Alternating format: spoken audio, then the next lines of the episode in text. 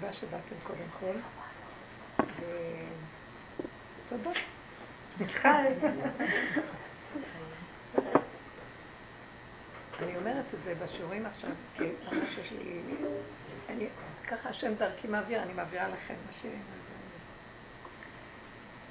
שהדרך הזאת היא לא דרך רגילה בכלל. בעולם, מול העולם, זה נראה דרך משונה.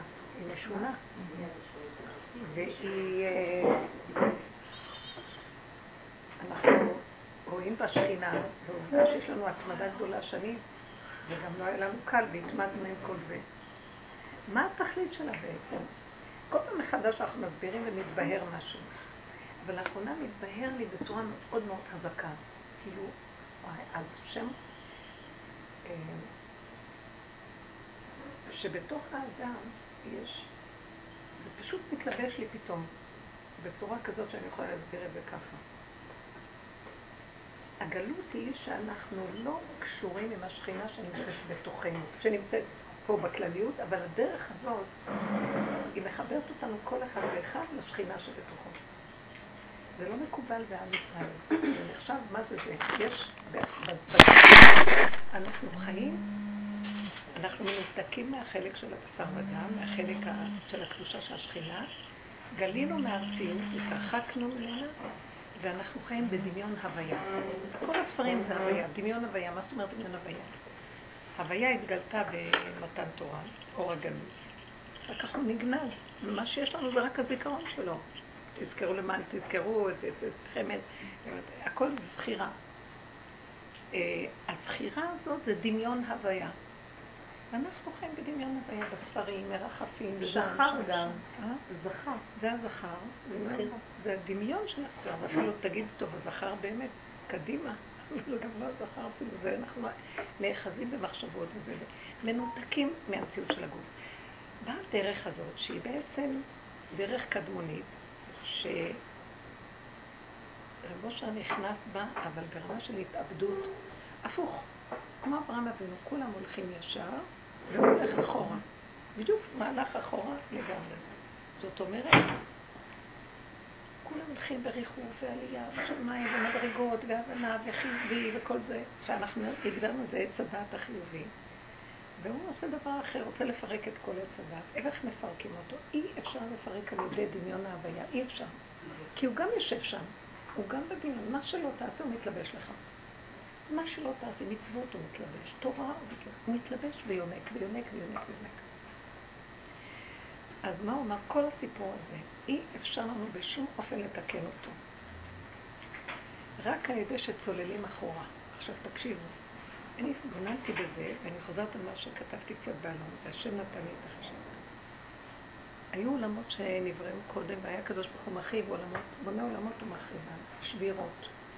האדם הראשון בא לתקן את השבירות, בעולם הזה ירדו השבירות, כאילו האסטרואידים, איך קוראים להם שירדו פה? לתקן, מטאורים, לתקן אותם, ולהעלות את הניצוצות. גם הוא נשבר, אכל מעץ הדת, נשבר. הביאו את עם ישראל לתקן את השבירה של אדם הראשון. אתם תהיו, ואתם קוראים אדם, אדם הראשון, ממלכת כהנים וגוי קדוש. ככלל, כאומה, אנחנו מקבלים עלינו את התיקון. נשברו הלוחות הראשונים. עוד פעם שבירה. כל הגלויות נכתוב, הכניס אותם איך שלא יהיה לארץ ישראל עם התוכנית של התורה, הלוחות השניים, נשברו. גלות ראשונה, גלות שנייה. כל הזמן שבירות. ואנחנו לא יוצאים מזה. מה זאת אומרת שבירה? אני רוצה לכתוב משהו, להגיד משהו שגם באחד הלונות. אז התורה נגמרת בפרשת, קצת תחדדו טיפה את המחשבה, התורה גומרת בפרשת זאת הברכה. והפסוקים האחרונים על משה רבנו, ולא קם נביא כמשה עוד, אה, אה, שהשם ידעו פנים אל פנים, אה, אשר עשה את האותות מופתים לעיני כל ישראל. עכשיו, רש"י לוקח את המילה לעיני כל ישראל ואומר ששיבר את הלוחות לעיני כל ישראל. התורה רוצה לציין מאוד יפה על, על מדרגתו של משה רבנו שלא קם כמותו, שהשם ידעו פנים אל פנים, שעשה את האותות ואת המופתים והכל לעיני כל ישראל. בא רש"י ואומר ששבר את הלוחות לעיני כל ישראל. למה נזכיר עכשיו את הסירחון הזה בשעה כזאת? בסוף, הפירוש הסופי שלו. בגמרא כתוב שריש לקיש היה אחד התנאים שהיה בהתחלה ראש השודדים. ויש סיפור עליו, שהוא בא, אה, רבן יוחנן בן זכאי היה מאוד יפה. היה לו יופי שאין בעולם. וכשהוא בגדה, הוא בא, רבן יוחנן רצה להיכנס לנהר, וריש לקיש עמד בצד השני, הוא חשב שהוא אישה יפה. ואז הוא קפץ לתוך המים ורצה להגיע אליו. וכשהוא הגיע אליו, אז אמר לו, רצה את האישה, אמר לו, חילך לאורייתא, רבן יוחנן בן זק אמר לו, כזה תאווה, כזה רצון, כזה כוח, לחצות את כל הדבר הזה? בשביל זה, אז אתה מתאים לתורה. אתה, הכי, הכוח שלך רק לתורה. אני אתן לך את אחותי שהיא יותר יפה ממני, ואתה תתחתן איתה. והוא באמת נכנס, נהיה טענה.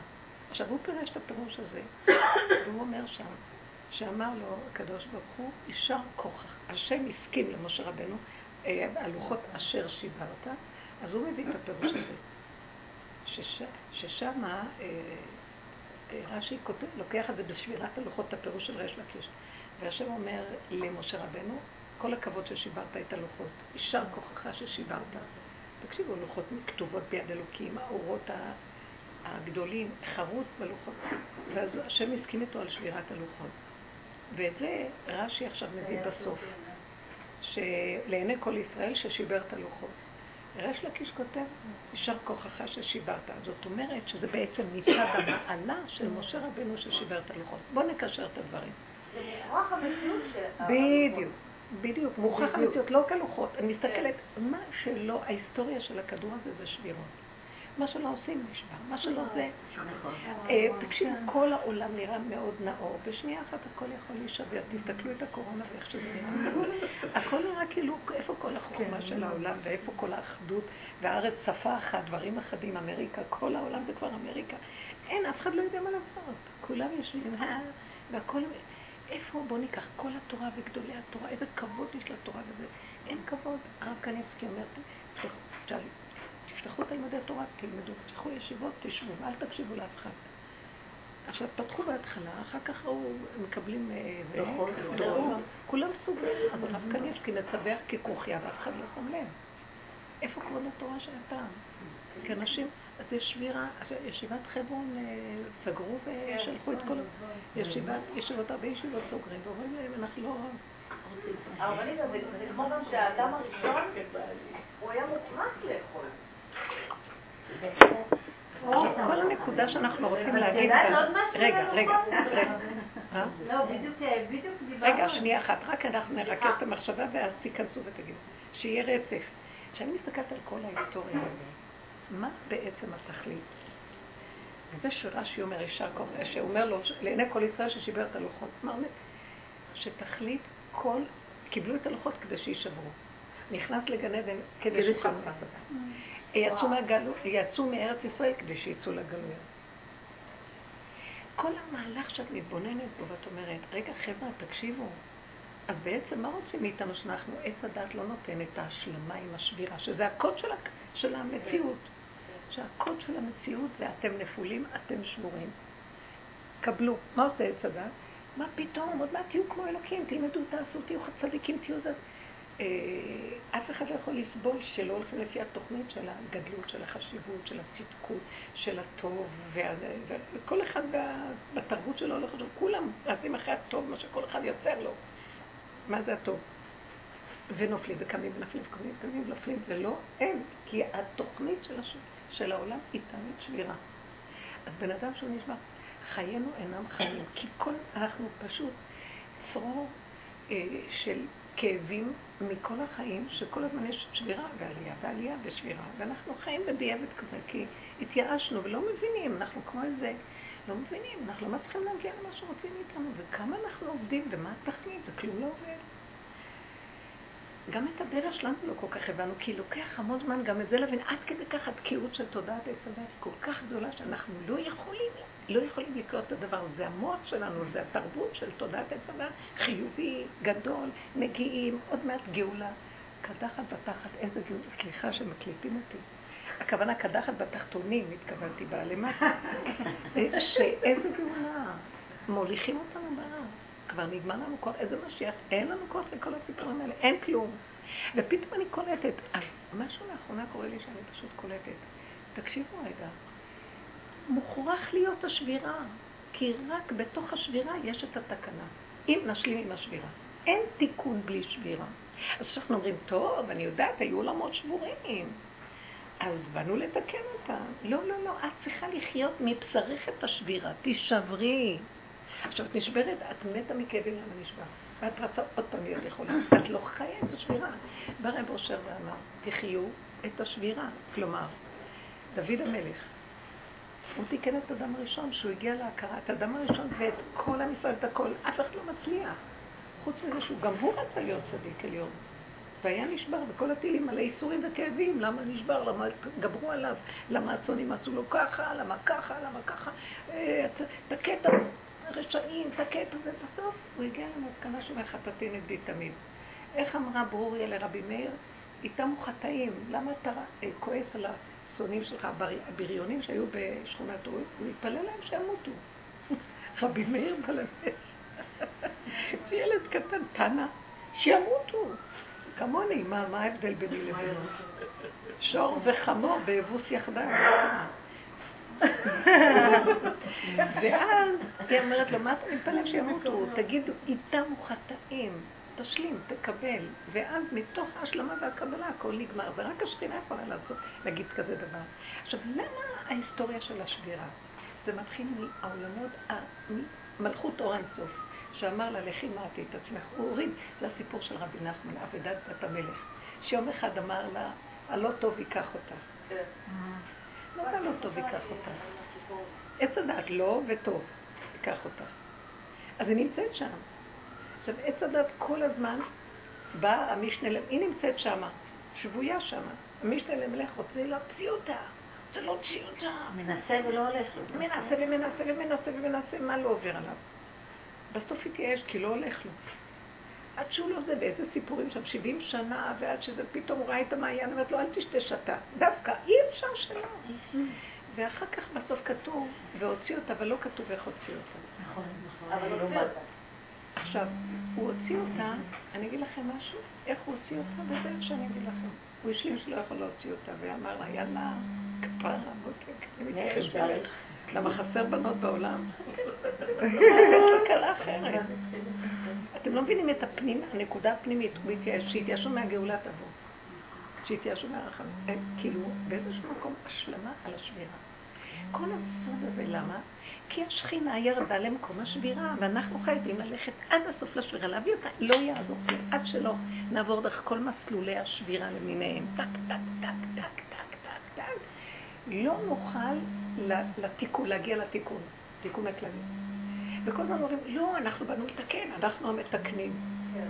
מה יותר מהתורה שמתקנים? נו, לאן היא הביאה את העולם? נכון, העולם נמצא במקום אחר, שנכנסה בו נאורות, אבל תסתכלו, אין כבוד לנאורות הזאת. למה אין כבוד לגדולי תורה? אין כבוד. אף אחד לא רוצה ללכת כבר, הכל מושבת. אין, כאילו לקחו ממנו את הכוח. כי די, היה לצורך העבודה של הגלות את הכוח. אבל התכלית האחרון זה לא הכיוון. רק בכלום, האדם יצטרך להישאר בכלום, להשלים עם השבירה, להישאר בשלילה. כמה השלילה מאיימת עלינו, השלילה גומרת עלינו. מאוימים, הכפייתיות של השלילה, מה לא? אם אנחנו רק נוכל לגשר את המהלך הזה, זה כל המיקוד של העבודה. עכשיו, צריך רק למקד, אני פתאום קולטת, עזבי את העולם, את לא, תסתכלי על העולם, את ישר נדבקת בנחש הזה של החיובי. וישר גם את שואלת, מה, למה אני לא, למה הם כן, איך זה ככה, לא ככה, למה ככה. נמאס לי, נמאס לי. עכשיו כאילו, כאילו אומר לי, זום, אם רק להשלים עם השלילה, מה שלא יהיה. ותקחי את זה לא ברמה של שיוורון. השיוורון נובע כתוצאה מהדעת שמציצה על זה ומפרש את זה שלילי, ואת מפחידה אותי ומבהילה אותי. אין כלום. שיהיה ככה. שיתחתן, שלא יתחתן, שיעשה ככה, הילד שלך, אני מדברת על השני, אה, אה, הבן הזה עושה ככה, שיעשה ככה, אין להם זה, שלא יתמר לזה, ובתוך כל זה את רואה סיבות, ודברים קורים. אבל למה אני בצער מכל דבר? ואני עוד מצדיקה, כי יש לי איזו תוכנית שזה צריך להיות ככה ולא ככה. אין לי כוח להכיל ייסורים יותר, אין לי. השבירות הרבות בחיינו, אני אומרת לכם, אני מציאות של שבירה. מי, ש... מי נולדתי. זה לא יאומן, כנראה אני נולדתי במזל, כתוב, יש לי איזה מזל מדהים, מזל שבתאי. מזל שבתאי, מה שהוא לא עושה, הוא חוזר עוד פעם, נשבר ועוד פעם, נשבר ועוד פעם. אין, אין תוצאות.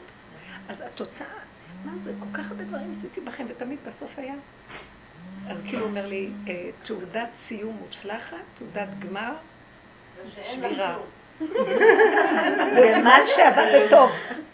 פליק פלוק. לא, לא. כל הכבוד. למה שלא תגנבי, שלא תחשבי כלום? תשארי בשבירה, זה המקום. לא, מזה רציתי להגיע לזה, שמזה לזה, מזה, ואני אשב בטוב. איזה טוב. אבל הרבנית, את יודעת שבדיוק בנט, דיברתי בדיוק ביום, לא יודעת, אתמול עם בעלי, בדיוק על העניין הזה של השבירה והלוחות, והוא אמר שהוא גם בדיוק למד את הגמרא, ואז הוא אמר שבכלל היו שומרים את הלוחות השבורים, ואותם לוקחים למלחמה. את יודעת את זה? לא, הארון, לא. הארון, כן. לא, שברי הלוחות היו בארון. לא, הם היו במקום נפרד, לא בתוך הארון. לא, בתוך הארון. שברי הלוחות היו בארון, והיו לוקחים את הארון עם השברים. וזה מה שהארון נושא את נושאיו.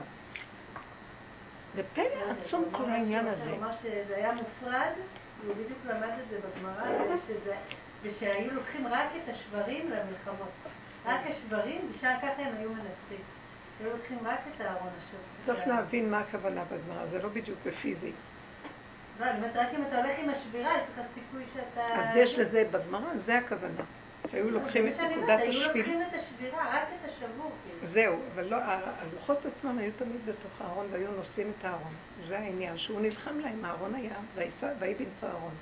אז כל פעם שבאה סיטואציה שהראתה לי את השבירה, אז אני צריכה רק פשוט לקבל אותה, למרות שכאילו עבדנו ועבדנו, ולכאורה זה קצת מתמתן. עכשיו עבדנו כל כך הרבה, כי גם בעבודה זה tricky, אנחנו עוד עובדים בעץ.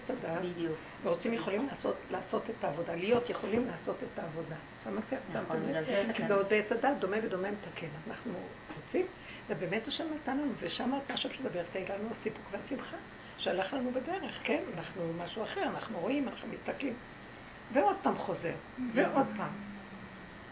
על מה שמכל הסיפור שנשאר בתוך כל זה, שנהיינו בקיאים ברצון ושוב. זה מה שקרה לנו. לא שהגענו לאיזה תוצאה. נהיינו כאלה שאנחנו מקצוענים. בשבירות קימות, שבירות קימות. ובכל אופן, תמיד יש לנו בלב איזה טרוניה. מה הולך פה? נכון? כן. מתי נגיע? עכשיו אני אגיד לכם, זה רק היה הקדמה. מה שמראים לי, שאני רואה, זה כאילו אומרים דבר מאוד יפה, פנימי. אה, אנחנו חייבים להכיר את היסוד, להכיר הכוונה להיות בקיאים מקצועניים עד הסוף ביסוד של השבירה, לא לצאת משם. וכשאנחנו נמצאים שם ולא יוצאים, אז התהליך הוא תמיד אחורה, אחורה. התהליך אחורה הוא הפוך מכל העולם. כל העולם רוצה קדימה. כל העולם רוצה לעוף אה, ברמה הזאת של מצליח לו. ואנחנו במציאות של נעצרים, כמו הסימנים של הדגים הטהורים או הבהמות הטהורות. הבהמות הטהורות מעלות גרה.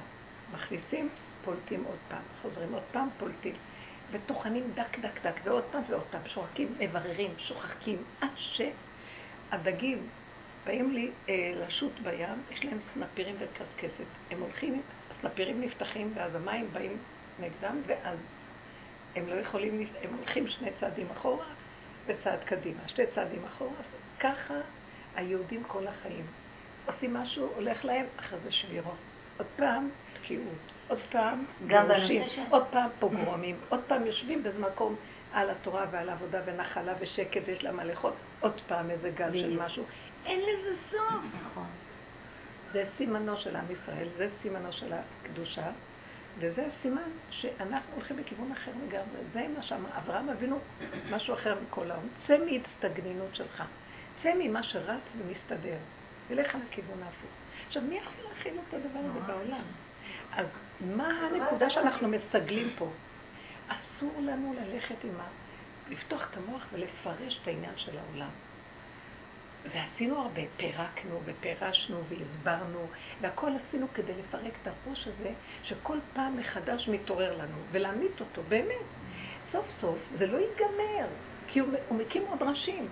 אנחנו צריכים לקחת החלטה שאנחנו הולכים רק למטה, אחורה, מהעולם, ולסגל לעצמנו השלמה מוחלטת עם השבירה. ולא להיות מאוים ממנה, ואיך אני צריכה לעשות את זה? אפילו טיפה אסור לי להתפתח לחשוב מה זה השבירה, טיק ולעצור. טיק ולעצור. טק ולעצור. איך שזה ככה וזהו, ואיך שזה ככה וזהו. אסור לי לפתוח את המוח, לתת לעץ הדת לפרש ולהתרחב. הוא פורש, הכוונה, הוא עושה פרש, צואה, הוא מוציא החוצה, זה מתחיל להיות לכלוך, וזה פוגע, זה הרס. לא יכולה לעמוד בזה. נגיד כזה דבר, התהליך הוא, וזה מה שאני רוצה להגיד, עוד לא אמרתי, שאני מרגישה שהמהלך שהוא רוצה להביא אותנו זה, אתם כל כך קרובים להקים את השכינה, השכינה בתוככם, תעזבו את העולם, האלוקים לא שם. בתוככם, אני מחכה לכם, כל אחד והאלוקים שלו. אברהם אבינו אמר, אה, אלוקי אברהם, אלוקי יצחק ולא יעקב. כל אחד והאלוקים הפרטי שלו בכלים שלו. הם הצליחו להקים, לקשר את עצמם לאלוקות הפרטית שלהם, ולא רצו אחרי אף אחד בעולם. כי הם ראו מתוכם, הכל מדריך אותם מתוכם, המורה דרך הפנימי, הרבו בקרבו. לא, לעולם, זה מה שאומרת הגמרא, אה, לעולם ידע האדם שקדוש שרוי בתוך מאיו, בתוך המעיים, אמרנו על זה פעם, שם נמצא יסוד השכינה. רק כשמקימים את השכינה יכול להתיישב, הוא לא בא מלמעלה, מלמטה האור הגנוז, אין אצל האלוקות למעלה למטה, לא חשוב מאיפה הוא בא, לנו נראה שהוא בא צריך לבוא מלמעלה לרדת, הוא בא מלמטה, היא מביאה אותו איתה, את האור הגנוז. האור הגנוז רוצה כלי, הכתר רוצה כלי, הכלי זה המלכות, רוצה לשבת על המלכות. אנחנו בורחים ממנה ואין כלי. עכשיו, הכלי הזה, זה הישועה שלנו. אה, דוד, אלוקי דוד. כתוב, ויתחזק דוד בהשם אלוקיו. יש כזה דבר. כשאנחנו קשורים עם השכינה שבתוכנו, וזה האלוקים שלנו, אנחנו צריכים בשלב הזה להיות מחוברים, אנשים אלוקיים אנחנו. אני לא בשביל נאמנות. לא בשביל זה בשום אופן אסור. נאמנות. פשוט נאמנות תמימה, פשוטה, בלי טיפה של פרשנות, זה דמיון, זה הכל בסדר, איך שזה ככה, תלכו מהרגש. הוא יבוא להגיד לך, מה שקט, ככה וזהו, וככה וזהו, וככה וזהו. זה המקום שאת מאמינה. אני זוכרת שפעם אמרתי לך, היו לי כל מיני אה, תחושות בגוף. כזה, ואז אמרתי לך, אלה, מה זה זה? זה שדים ברוחות. אז היא אומרת לי, שדים ברוחות, זה בורא עולם! היא צעקה עליי. אתם מבינים? אני עוד היה לי כאן פה איזה גירוי קטן, פה איזה משהו, אש שנדלקת כזה, שדים ברוחות. זה בורא עולם, היא צעקה. הנקודה הזה של החיבור, איך שזה ככה, בלי לתת למוח, אה, זה המוח של טמא, טהור, מותר, אסור, כלום, כלום, כלום, ילדים קטנים שלא יודעים כלום, והכל בסדר איך שזה. טוב לי כרגע, זהו, זה הנקודה. המקום הזה של מה זה טוב לי כרגע, לסגור את המוח מהפרשנות, מיד איך שזה ככה זה בסדר, בסדר הזה, איך שזה ככה, זה הטוב לי. עכשיו, שמה נמצאת שכינה. עכשיו, עשיתי את השכינה האלוקאית. האלוקים שלי זה לא בדיוק יהיה כמו שלך, כמו שלה. כל אחד לפי הכלים שלו טיפה שונה. זה אותו יסוד, אבל שונה. כאילו, אני אגיד לכם, שפגשתי את השמואל הזה, פה ושם, זה לא עניין של פה חצי שנה יושב פה, לא, לא ממש הרבה, אבל אני, יש לי כזה, אני פישר, דייגת, פיש, דואגת את הדגים, כמו מרגלת, את הנקודה, נקודות.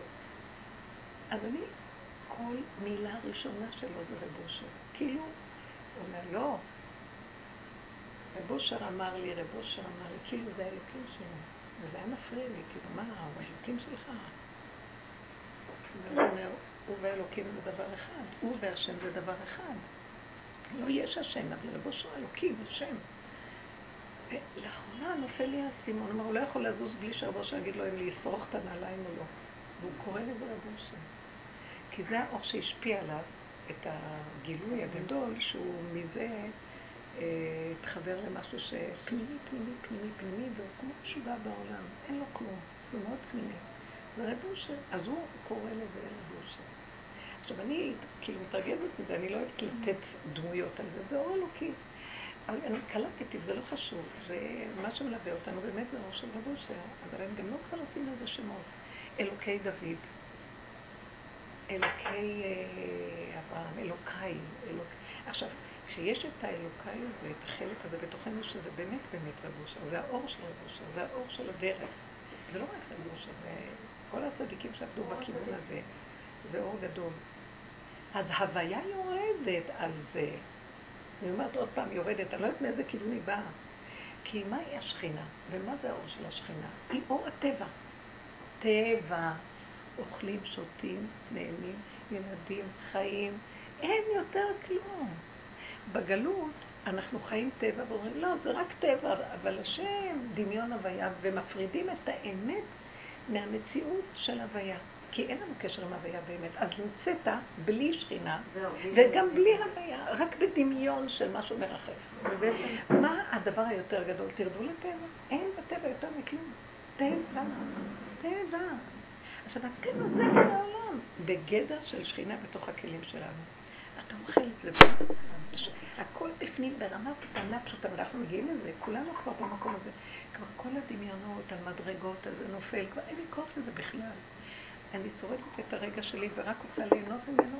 אה, יש מישהי מהמשפחה שהיא מאוד, היא, היא, היא מתלוננת על כאבים, וכל הזמן אני מנסה לעזור פה, לה פה, לעזור זה. עכשיו, היא באה, היא באה אליי, אני אומרת אותה, אנחנו... אני לא יכולה לסבול יותר לשמוע את התלונות של הכאבים, ואני מזהה שזה בא מהמוח. ואמרתי לעצמי, וואי, אני לא יכולה יותר, אני לא יכולה להתקשר. לא, אני לא מתקשרת, כי מה נשמע, מה שלומך, כן, קצת מחויבות משפחתית. ואז אני אומרת לעצמי, אני לא מסוגלת, זהו. אני מנתקת. התקשר אליי אח אחד, שהוא באמת אח מדהים, ממש, חכם ברמות, והוא עמוק מאוד. והוא התקשר אליי ואומר לי, לא מזמן, תתני לי, את מאוד עסוקה, תתני לי רק שעה אחת שאני יכול לדבר איתך. שעה, תני לי שעה. חשבתי, תגיד, אתה שפוי? דקה אני רק מחזיקה את הטלפון על האוזן, אני כבר נחש דקה ואני רוצה להיפטר מהמכשיר הזה. תני לי שעה בטלפון, עם הדיבורים שלו, יש לו דיבורים מאוד חכמים. אבל עזוב אותך, אין לי כבר כוח, אני רוצה כוס קפה ולשבת בשקט, אין לי כוח כבר לכלום. אז ניתקתי קשר, גם איתה אמרתי, אני מנתקת קשר, אין לי כוח.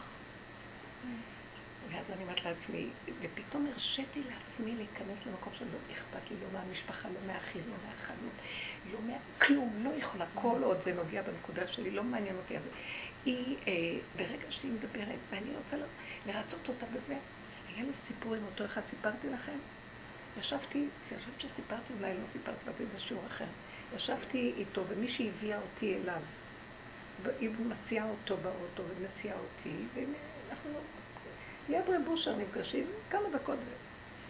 אז היא גם קנתה איזו שתייה כזאת, וישבנו בספסל שם, ודיברתי איתו. אז הוא התחיל לרדת עליה. כי יש לה משהו מאוד מאוד פשוט. היא לא קולטת את הדרך ואין לה סבלנות, והיא רוצה רק ישועות. תביאו לי ישועות, תביאו לו ישועות, תביאו לי ישועות. פתאום הוא התחיל לרדת עליה. היא אמרה איזה משהו, ואז אני, מה עשיתי? כשהיא אמרה משהו וירד עליה, רציתי לגונן עליה. כאילו, זה לא יפה, זה לא מכובד, די, תפסיק לרדת עליה. זה מה שהיא. הוא לא הסכים לה. הוא נורא חד, יש לו משהו כמעט אכזרי, מרוב שהוא האמת. בעולם הוא לא יכול להיות הבן אדם הזה. אז, אה, אז אני אמרתי, לא, דווקא מה שהיא אמרה יכול להיות, וזה למה לא, ולמה, ונכנסתי לשכל של העולם והתערבבתי איתה. הוא נתן עליי מבט, שהיה במבט הזה שאגה שאי אפשר לתאר. אני, אני יודעת מה אני אומרת לכם, מבט כזה של עופי לי מהעיניים. את נכנסת לשקר שלה, איבדת את הכל ברגע. למה את מרצה? למה את נכנסת? גם את עצמך הורדת, ואותה הורדת עוד יותר. כאילו כעס עליי מאוד, אבל ברמה של כזאת אמת פנימית חדה, שזה בקע לי בנקודה. כי הוא ישר, הוא לא הסכים בכלל שאני ככה, ואז תפסתי את הנקודה שאני אומרת לעצמי, את מדי בעולם, את מרחמת על זה, ואת מאבדת את האמת שלך, ואת... נכון, אנחנו שמים את הנקודה בצד, מסכן זה וזה מסכן. הוא לא, אנחנו אם כל חי. אבל באיזשהו מקום המבט שהוא נתן והדיבור שהוא נתן, החזיר אותי פתאום לראות שאני מדי מסכימה לשמוע את הכאבים של זה ואת הצרות של זה. אני רוצה לעזור, אבל אנשים חוצפנים בתודעת עץ הדת, אין להם כבוד. את נותנת להם את הזמן שלך, את האוזן שלך עכשיו. מזמין את האוזן שם, מכינה להם, מה לא, מה, כלום הם לא מביאים, יושבים, נהנים, אוכלים ומייללים, מייללים, מייללים. וכבר לא יכולתי יותר לסבול. באיזשהו מקום אמרתי לעצמי, אין לי כוח. שהלכתי עם עצמי איזה חודש וחצי, לא, לא כלום, לא אכפת לי, מנותקת, לא רוצה כלום.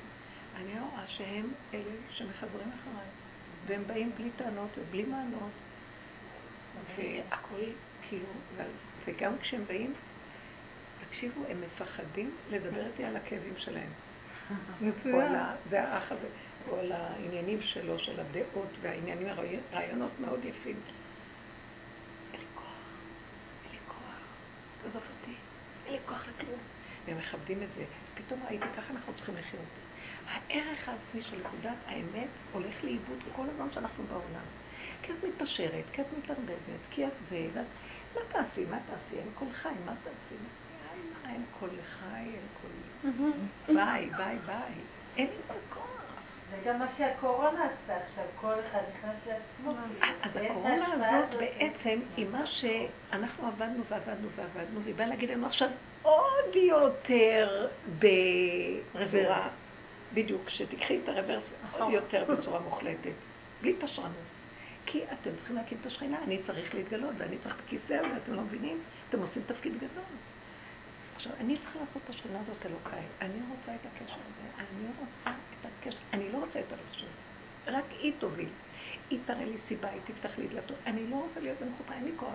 ועכשיו, אם אנחנו הולכים איתה, היא לא מרשה מצוקה. איך שזה ככה, היא קטנה ואיך שזה ככה. המוח קטן, הזמן קטן, הצרכים קטנים, הרצונות קטנים, הכל מתקטן, ונהיים כמו ילדים קטנים ששמחים באיך שזה ככה. ונמאס לי כבר מהמוח הזה של גדלות דמיון הוויה, שהוא מה יש לי מכל זה? מה? זה הביא אותנו לאיזה ישועה? מה? הנה, אנחנו עולם החרדי, צי דמיון הוויה. אין יותר ממנו. מה זה הביא אותנו? למה? כבר המון זמן לא הייתי בסיום של רב אושר. ויום אחד עליתי, היה לי איזה... וכלום. תמיד, בדרך כלל, מעיר לי, כאילו, אני זה, הוא כל הזמן רק אמר לי, כלום. כלום. אני אומרת לכם, מה אני קולטת שם בלמטה? תהיי ככה. תשבי ככה. סתם ככה. כי כל המריבות לא נגמרות. כי המוח שלי עליו, המוח שלו עליי, ואז אנחנו מפרנסים כל או שלה עליי והשלי. אין לי כוח לחשוב כלום. ככה. כשאדם יושב בככה, הוא נזקק למשהו? מרים את הראש, גאולה, מתי גאולה? זה גאולה. אני צריכה להגיע למקום שזה גאולה. היא אמרה למתים יש רק ככה. ככה, שקט. עכשיו אני אגיד לך משהו, וזה מה שאנחנו טועים. הם הלכו, והככה שלהם נכפה עליהם. ודעו לכם שבתוך הנפש שלהם מקשקש הרבה רצונות ודברים שלא עבדו עליהם פה ולא פירקו. זה האיסורים וחיבוק הקבר שיש לבן אדם. אבל אנחנו כל, את צריך לדעת מה תעשי? אנחנו פה, תהיו מתים פה. לפני שנגיע לקבר. כאילו זה בבחירה, אני רוצה להגיד. יש אנשים שבאמת מת, כביכול העמידו את עצמם פה, וגם כשהם נפטרו, אז עוד פעם המשיך משהו לקשקש להם? לא. כן, אז אני לא יודעת מה, אבל כשאני הולכת לבית העלמין, יוצא לי פעם בהרבה זמן, כן, אבל אם כבר, אז פשוט תזכירי השקט, ואני יושבת, נהנית לשבת שם, לנשום אוויר, אין לי כלום במוח, המוח שלי לא, כי... נכון, כי את לא הולכת... תראי, יש חוק בתוך כל המקום הזה של בתי הקברות. אה, כשאדם רק נפטר זה קשה. אחר כך יש זמן, מתעכל המוח הזה, מתעכלים הדמים, הוא מתחבר לאדמה והוא בשקט, השקט שם שורד. אבל אה, יש מקומות ש... שקשה, שקולטים את מה שקורה בבתי קברות לפעמים. זה לא נעים להיכנס שם, זה תלוי. אבל שהולך לחלקות של צדיקים שעבדו על עצמם, והמצב הזה, יש מקום כזה של שקט. אבל באמת, אנחנו צריכים בתוך החיים לעשות את זה. עכשיו, מה זאת אומרת למות? למה צריך למות? לא אמות כי אחיה, אבל להמית את המוח שהוא הממית, ולא נותן לנו לחיות. כי ביום אוכלך ממנו מות תמות. בדיוק, הוא ממית, הוא לא נותן לנו לחיות. אבל לפי מה שאת אומרת, על העניין הזה של השבירה שהיא מוכרח המציאות פה, זה יוצא שאת כל פעם יותר רק אחד חלקי שישים מהמוח הזה. את לא רואה מציאות שזה כבר קו ישר. כל פעם רק נקודה אחת קטנה מתוכו. אבל זה כל העניין. בוא ניקח את זה. אבל זה משהו סיזיפי. לא, לא, לא. כאילו, לא נשאר לך איזשהו רושם מהדברים האחרים שאתה מרגיש? תקשיבי רגע. זה כל כך אה, הדמיון נוראי של זמן, מקום ורחבות וחשיבה. אמרנו, כן, התרגיל הכי גדול שנתנו לנו, תנשמי את הנשימה כאן ועכשיו, הכל חלקיק קטן של רגע, יסדר לך את הכל. וכל הזמן לחזור לרגע. כי בחלקיק הקטן אין רשימו, אין כלום. ככל שהחלקיק יותר קטן, הכל נגמר ואין כלום. מבינה? זה דבר מדהים. כי באמת, טיפת מרימה את הראש, אז יש עוד רשימו. רשימו של מה? אני לא יודעת כלום כבר. אפילו אם יש רשימו, אני לא בקשר איתו. עכשיו, כשאנחנו מחוברים לאותו כוח שבתוכנו, נגמר סיפור של העולם כמה שיותר. אה, אנחנו לא נזקקים לבריות, לעולם, למציאות מסביב. שלמות פנימית, שקט, שלווה. מה האדם רוצה בעולמו? את השקט הזה הוא רוצה. והשקט הזה הוא מה שמוליך אותנו. פתאום את תדעי מה את צריכה לעשות. המילה היא תצא לך מהפה לבד השני. מספיק להילחם עם הקירות של... אז לא, אם אני רואה קיר, שלום, לא צריך. עוקפים, לא. מה אני כל היום עם המוח? תחנכי, את חייבת זה, אם לא תעשי זה, מה יהיה, ואיך זה ככה, ואיך החיים שלך נראים. משקיפה מדי פעם על הדבר הזה, וואי, גיהנום על יד המוח. איך אפשר לחיות עם זה? לא שייך לנו כלום. וכל פעם להתחדש ולחזור לנקודה של ריקון ועוד פעם, ועוד פעם ריקון ועוד פעם. אבל תחזרו מהר, כי אני אגיד לכם את האמת, אין לנו ברירה כבר. וזה מאוד מאוד קרוב אלינו שנבחר להיות בריקון, בכלום. בתוך כדי החיים, בכלום. נתקלת במשהו בכלום, נתקלת במשהו בכלום, תחזרו לכלום. אל תעשו אחד ועוד אחד ועוד אחד. עכשיו זה מאוד קרוב אלינו הדבר הזה. יש משהו שרוצה להתגלות, הוא מאוד קרוב, הוא רוצה, לה, רוצה להתגלות בתוכנו ולהשפיע עלינו. כאילו רוצה לבוא אליי. עכשיו, יש פחד מאוד גדול, כי זה כאילו את אומרת, מחשבה פתוחה, את אומרת, את הולכת לחושך, מה יש שם בכלל? מפחיד. רבו של נכנס שם עד הסוף. הוא אמר לי ש... ש... טוב, זה, זה כל אחד בדרגותיו, כן, בנקודה הזאת. שכאילו מבקשים ממנו לקפוץ לאיזה מצב, הוא מפחד. ממי? שמואל? כן, מפחד. כולנו במקום הזה, כל אחד בדרגתו. וכאילו נראה מאבדת... אה, אבל אתם יודעים משהו שאני אגיד לכם? הוא לא דומה לנו. אנשים עברו כל כך הרבה סבל. הלידות האלה יוכיחו. למה יש לך ברירה, תקפצי, סגרי את העיניים ותקפצי, וגמרנו, מה יש לך לעשות? גם אנחנו, אנשים, יש לנו משהו קלות דעת, וזה לתועלתנו שנתנו לנו את התכונה הזאת. יונה פותה, לא יודעת, קופצת, נזרקת, יותר טוב. כי ברגע שאת מדי יודעת לא תוכלי לעשות את הדבר הזה, אל תיכנסי במחשבה בכלל.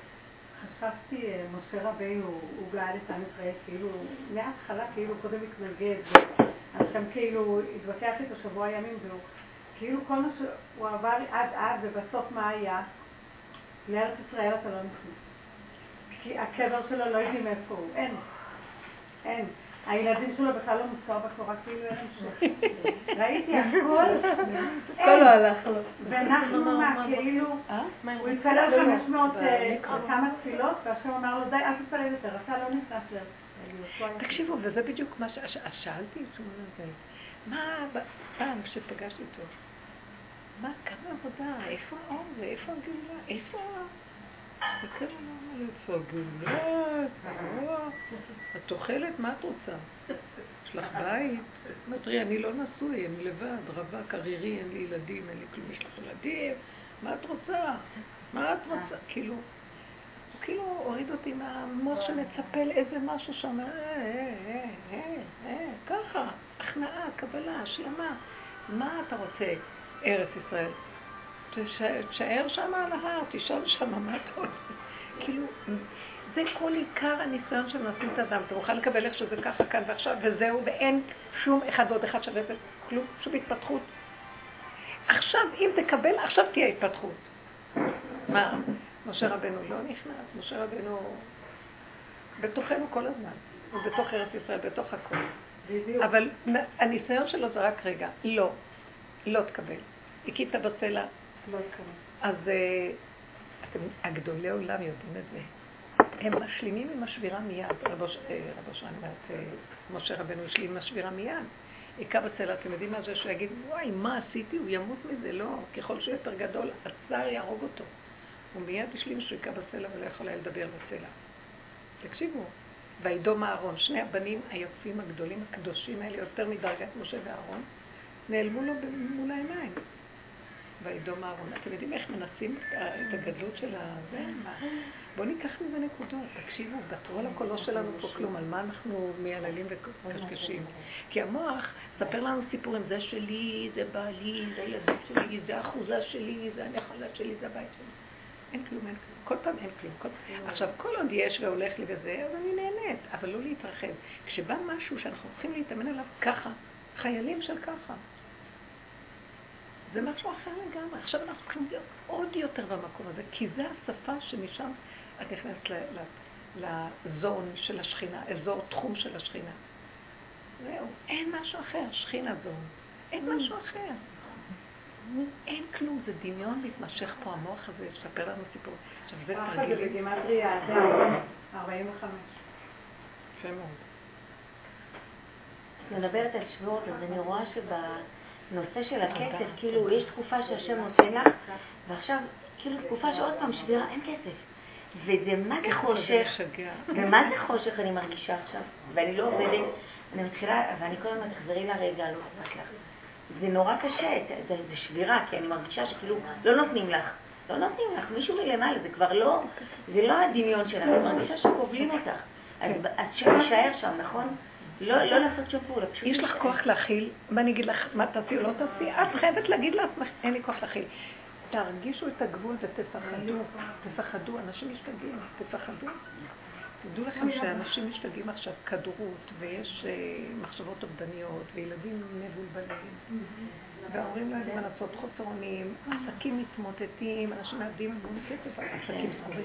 תקשיבו, אתם יודעים מה זה שעסקים, אנשים קנו חנויות, או שכרו ושיפצו והשקיעו הון כסף, וסחורות, הכל עומד סגור, ריק, יפתחו את הסחורות, זה כבר לא זה. חודש שלם.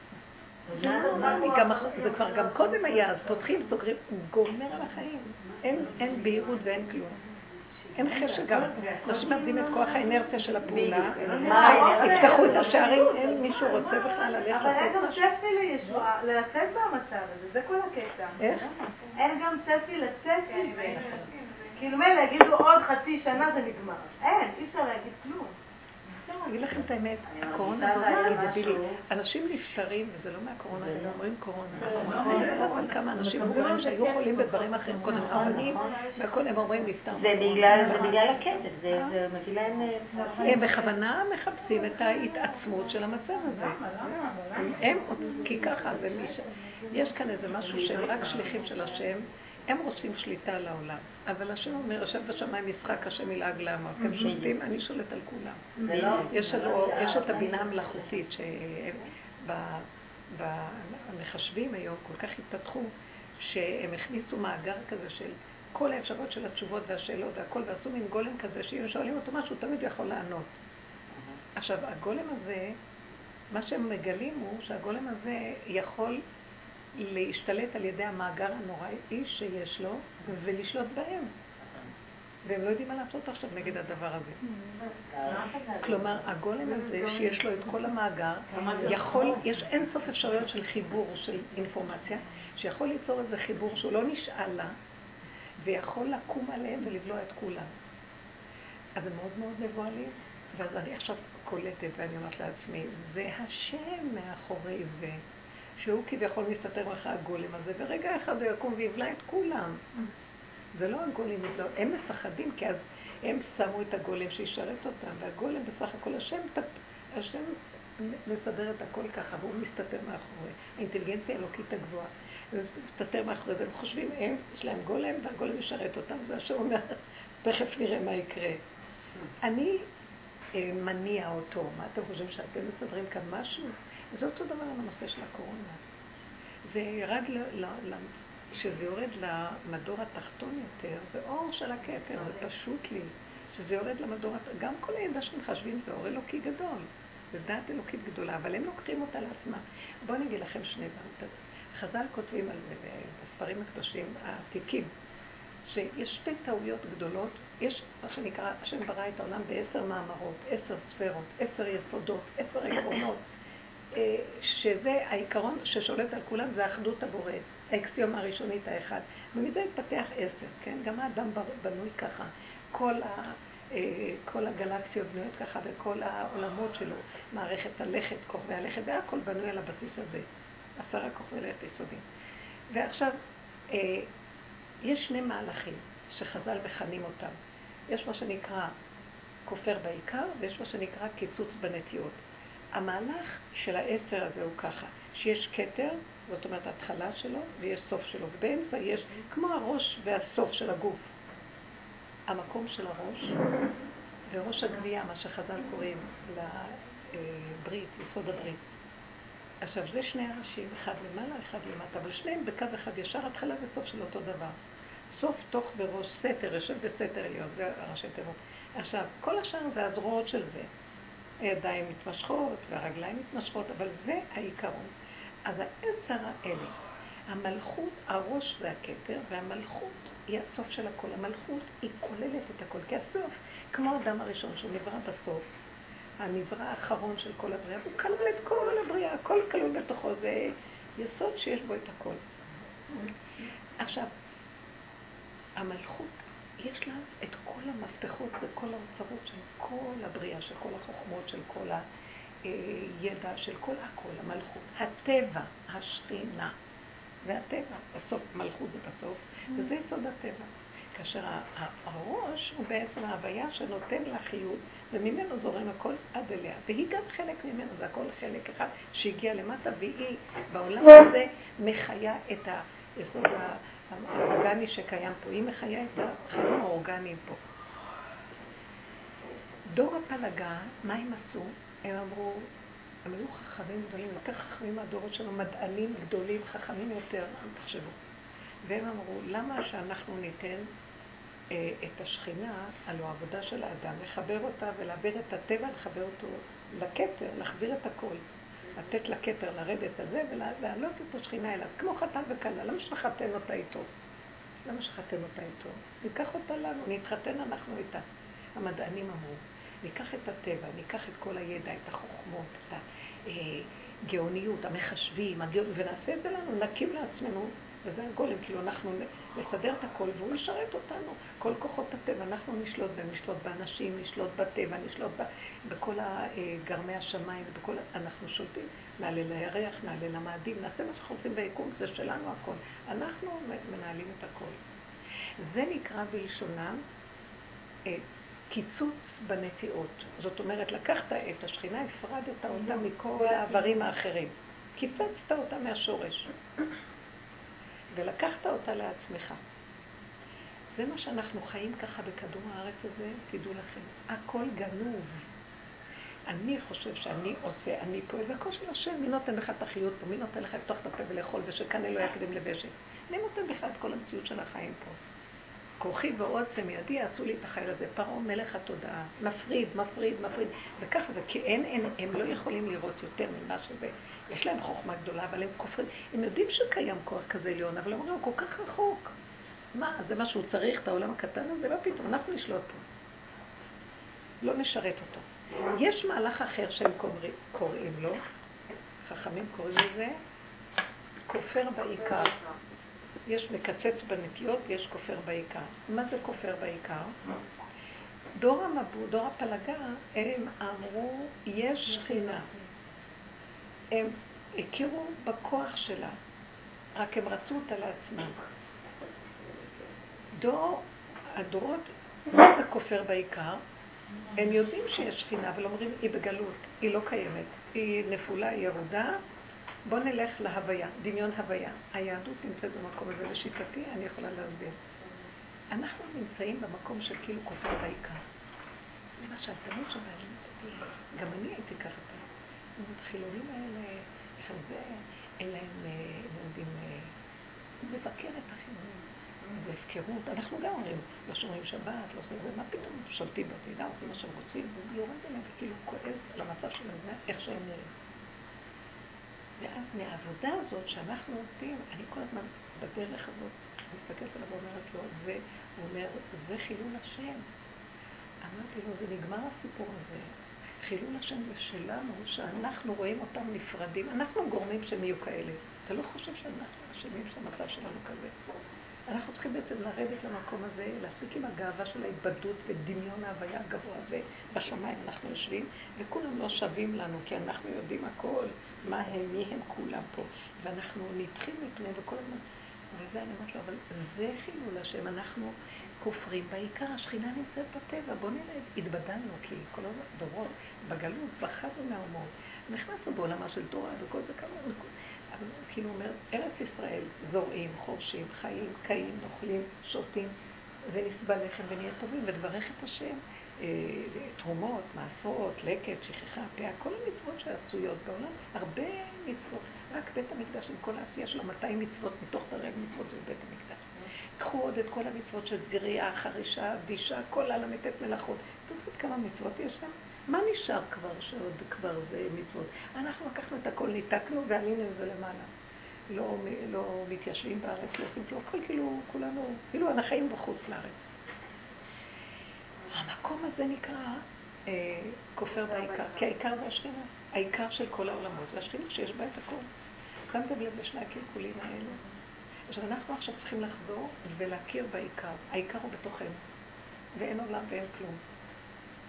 ולהיזהר מהעניין של לקצץ ולחבר אותה להשם, לחבר, קודם כל להכיר את כל המציאות שקיימת פה ולהגיד, החיבור שלנו איתה זה כבר דבר ראשון. מקימים את הכוח הזה שנמצא בפנים, ועכשיו דוד המלך יצא למלחמה, ואומר, השם, אל, בצר לי, אל, אל, אל, אל השם אלוקיי קרא בשמואל ב'. מה זאת אומרת? מה הוא אומר? השם אלוקיי, הוויה אלוקיי. אז הוא אומר, אני נמצא באלוקיי, אני בהשגחה איתו. אבל אני צריך נס יותר גדול מהטבע, איכשהו, ככה בחוק של הטבע היפה, שרווח לי וטוב לי והכל בסדר. אני עכשיו הולך למלחמה, ויש לו במלחמה הזאת איזה מקום שהוא כללי, והוא צריך ישועה, אז הוא מביא את ההוויה, אומר לו, אני מביאה לך, אני מביא, אני בא מאלוקה, אני כולי עשיתי את מה שאני יכול. אני כל כולי, רק כוח של השכינה בתוכי, מדבר אליך. כל התהילים, כל המטרה והמלחמות שלו זה להביא בסוף למקום שלו. הוא הגיע עד השכינה ואומר, זהו. תרד על הכיסא, תרד על הכיסא, הנה הכיסא, הוא היה הכיסא של השם. תרד, תעשה לי ישועה. ישועה שמתאימה. היה נלחם במלחמה מאוד קשה. ותסתכלו, שמואל ב' פרק כ"ב. זה מאוד מעניין איך הוא אומר, שאנחנו מצרפים את ההוויה לאלוקים. עכשיו, תבינו, אני נותן לו משהו שאני יכול עכשיו, יש לי אה, צידוק וסיבה להגיד לו בוא. על מה ולמה אני אגיד לו? כל אחד צועקים השם, השם, אלוקי ישראל, השם, השם. מה, מה אתה צועק? מה נתת לי כדי שאני אתגלה עליך? קברת לי את החוק, את הכיסא שאני עליו יכול לעמוד, אדום רגליי, הארץ אדום רגליי, ואתה צועק השם, השם. אני מרחם עליכם בגלות, אבל זה כאילו זורק לכם שביבים של משהו. מדי פעם בא איזה גל של הטבע והרג את עם ישראל. פוגרומים, שחיתות, נדודים, גלויות, אינקוויזיציה נורא. אם היינו מכירים את הכוח הזה, אי אפשר בגלות. למה כל זה? כי אנחנו לא מכירים בשבירה. לא מוכנים לרדת אליה. לא מוכנים לרדת לשבירה. לא מוכנים להשלים לשבירה. המוח שלנו לא נותן לנו. אנחנו צריכים להיכנס למקום הזה ויותר ויותר להגיד, די, נמאס לי לדעת, נמאס לי להבין, נמאס לי, לא יכול להכיל שום שבירות, ואיך שזה ככה הכל בסדר, לא יכול להכיל את הפרשנות של השבירות, ואיך שזה ככה הכל בסדר. שימו לב, אין שבירה. התחיל התיקון לי, מתוך השבירה יהיה תיקון. התגלות השם מתוך השבירה. שבירה זה בשר, יא, בשר עם השם, שבירה. איך? אותיות שבירה זה בשר, יא. בדיוק, השבירה יש בה את המילה בשר. כנסו לבשר, ונגמר, והשבירה מתהפכת, הכל מתהפך, מבשרי. מהמקום הזה התהפך הכל, וזה בסדר איך שזה ככה, מה? הפרשנות נעלמת, הכל נעלם. מספיק כבר עם הפילוסופיות והדעות וההבנות. אנחנו מסבירים פה, משתמשים במילים להסביר את התהליכים. עכשיו, איך אנחנו מגיעים למקום של ההשלמה והשבירה? זה כל העבודה, ועשינו מספיק עבודות. אז איך בלבלו אותנו עם כל הדעות האלה? כי חייבים, רק מתוך השבירה. כי אין רצון בכדור, לא מסכימים בכדור לנגוע בנקודת האמת. למה? כי כוח עץ הדת מאוד גדול, אבל העבודה שעשינו ממש שברה המון חלקים ועוד כאלה שעשו. והגיע הזמן של גאולה, אז הקדוש ברוך הוא אומר, אבל כן, אבל הגאולה תהיה לא מהדמיונות שלכם, דמיון הוויה. תרדו עד הסוף, עד הסוף אין כלום. אבל זה ממש כאילו כל התורה, מה עוד ללכת בדיוק לכיוון ההפוך. כי זה היה תיקון של עץ הדעת רע, טוב, מפני הרע. מה עושים אבל? זה עדיין בעץ הדעת. אי אפשר, יש תהליכים שלה, אי אפשר היה להגיע ישר לנקודה הזאת. התורה לא הצליחה, האדם הראשון לא הצליח. איכשהו אכל, במקום להגיד סליחה, לא יכולתי אחרת, הוא מצטדק. מה עושים אבל כשבא ניסיון, נגיד פתאום, את רואה ילד... אני אומרת שגם כל שמירה, בסופו של דבר היא באה אחרי שיש לך, אה, יש מה לשבור, זאת אחרי שאתה ממלא את גרסך, אז אפשר לרוקן אותה, אבל אם יריקה לכתחילה, אז אין מה לשבור. כי הוא כבר שבוע, ואני אגיד לכם את האמת, השבירה היא התודעה של העולם, ואנחנו כל הזמן בורחים ממנה. אנחנו תמיד שבורים. איך? נולדנו שבורים ונמות שבורים. עוד שאדם נולד כבר הוא נשבר על המקום. השבירה, איזה צעקות ואיזה כאבים יש בלידה. איזה התינוק צועק. עוד לא הגיע לעולם צועק, מה אתה צועק? זה כל הזמן המצב הזה, אבל פה מתלבש עליו תודעה ש... של זה לא טוב. מה עושים כש... אז נשאר ככה, איך, זה אנחנו, רבו שהיה צועק, אנחנו מציאות נפולה, אנחנו מציאות של נפילה, תקבלו. הוא היה, ולא הבינו אותו כל כך, תיכנעו לנקודת, עכשיו אנחנו לא נכנעים לשני, לשלישי, לדעת שלו, לחזור להבין, ההכנעה הולכת ומתדייקת לנו, בהתחלה את נכנעת לדעה שלו, מי הוא שאני נכנע לזה? אחרי כמה זמן את מבינה, טוב, תיכנעי, שלא, לא חייב, לא כלום. בסוף אני נכנעת להכנעה, אני נכנעת לשבירה. אני נכנעת שלעולם זה ירגיז אותי, לעולם אני לא יכול, לעולם יהיה לי משהו נוגד. תיכנעי ליסוד הזה שזה בדווקא ככה. כשאני, כשאנחנו יותר מכירים ומבינים את זה, זה יעזור לנו מאוד מאוד.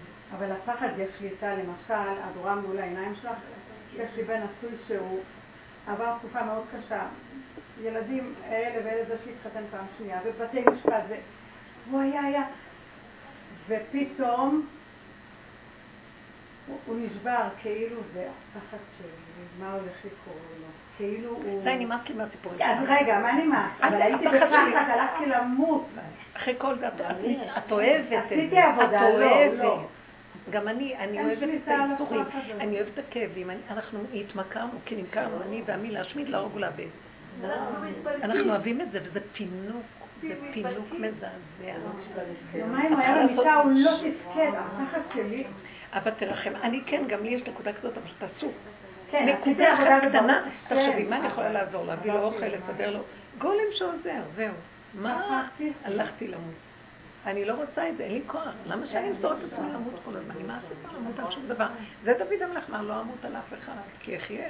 אין לי כוח. זה דמיון גם. תגידו, אני מועילה לו במיטה שלי, זה מת וזה גם מת, אז מה יועילו כאן? שניים, מי יקים אותם? זה כזה תודעת עץ הדעת הזאת. אני מבינה אותך, אבל האימהות הגדולה הזאת... כן, עשיתי עבודה, ברוך השם, וגם כן. כבר ברוך השם, הוא כבר גם... לא, ברגע שאנחנו מרפים ועוזבים, שם ייכנס הכוח של הקים אותו. לכן עשיתי את זה, ידעתי שזה... ואני צריכה לעשות עבודה, אם לא אני... לא, יש במילה הזאת קיבדה. לא, אבל זה בסדר, אני לא עושה בשבילו. אין ברירה. פשוט נמנעת שלא יהיה מה שיחליט כי הדברים לא מסתדרים, לא קורים. רגע, רגע, כשיש איזה זמן שאנחנו לבד ואין כלום, תעשו תרגילים על פירוק, שחרור. שחררי את זה, תביאי את כולם למחשבה שלך, לך. כן, אני אומרת. תעשו ככה כמו... צבא, יאללה, קחו, לכו, לכו. קודם סיפרתי לכם על השכנות שלי שסילקתי אותה מהזה והשתגעתי שם. עם הילדים. עם הילדים וזה, אז קודם כל אני רוצה להגיד לכם שהיא חזרה לעשות אצלי גבוה. זה אחד. שתיים, היום אני יוצאת, עכשיו אני רואה איך שהילדים מסתכלים, איך שהם רואים אותי, הם נבהלים. כשאני רואה אותם נבהלים, אני פשוט מתגלגלת עצמי, כאילו, באיזה מצב, כאילו, זה. אותו דבר היום, ישבה שם, ישבו שם כמה, והגעתי מאוד גדולה שם איזה ילד. ואני באתי בשיא ההתבטאות שלי עכשיו, שכחתי לגמרי מה אני שכחתי לגמרי. אז אמרתי, וואי, איזה חמוד איזה זה, הוא שולח לי, הוא אמרה,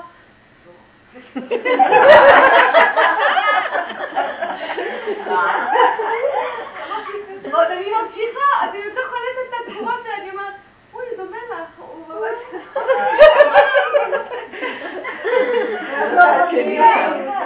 איבנה היום, היא נהייתה איבנה היום. לא, אבל הקטע הוא, מה שאני רוצה לספר זה איך שאני נזכרת שכאילו, אני הבאתי את עצמי למצב הזה, כאילו, הנפילה, הזאת. כל כך. הצחוק הוא משלים עם השבירה. לא הצחוק הוא מאוד מאוד, אה, הוא כלי מאוד טוב, תקשיבו, הצחוק הוא כלי מאוד טוב אה, לפרק את הפחד מהשבירה. השתמשו בו. באותו רגע. ההוא צוחק צחוקים כאלה. רגע, הוא צעק עליה, הוא צעק עליה, תראי איך את ככה, ואז היא עושה לו, ומה אתה חושב שאתה ישר? היא בכלל, מי אתה בכלל? גאווה, יהיר, מי אתה בכלל? היא עונה לו כאילו, היא בטבע לגמרי. אז היא עונה לו ברמה כזאת שהולך להרוג אותו כאילו. נראה אותך תיגע בי, ככה מדבר עליי, מי אתה בכלל? גוץ, ככה, מה, זה פוגע? כי הוא פוגע בה, זה נורא מעניין לראות את שניהם. עכשיו, כשהיא מדברת אליו ככה, אז פתאום אני מסתכלת עליו ועושה... הוא צוחק מכל הלב. הוא מפר את הזה שלה. עכשיו, איתי הוא עבד אחרת, כי אני לקחתי אותו באמת. כי תפסתי נקודה, אמרתי, אכפת לי מי הוא מה, מה, אני מחפשת איזה נקודה, לקחת פה משהו, מה אני אתחיל? אבל ראיתי איך הוא מגיב כדי לפרק את ה... כי היא לא, היא לא נכנסת במקום הזה של העבודה או משהו.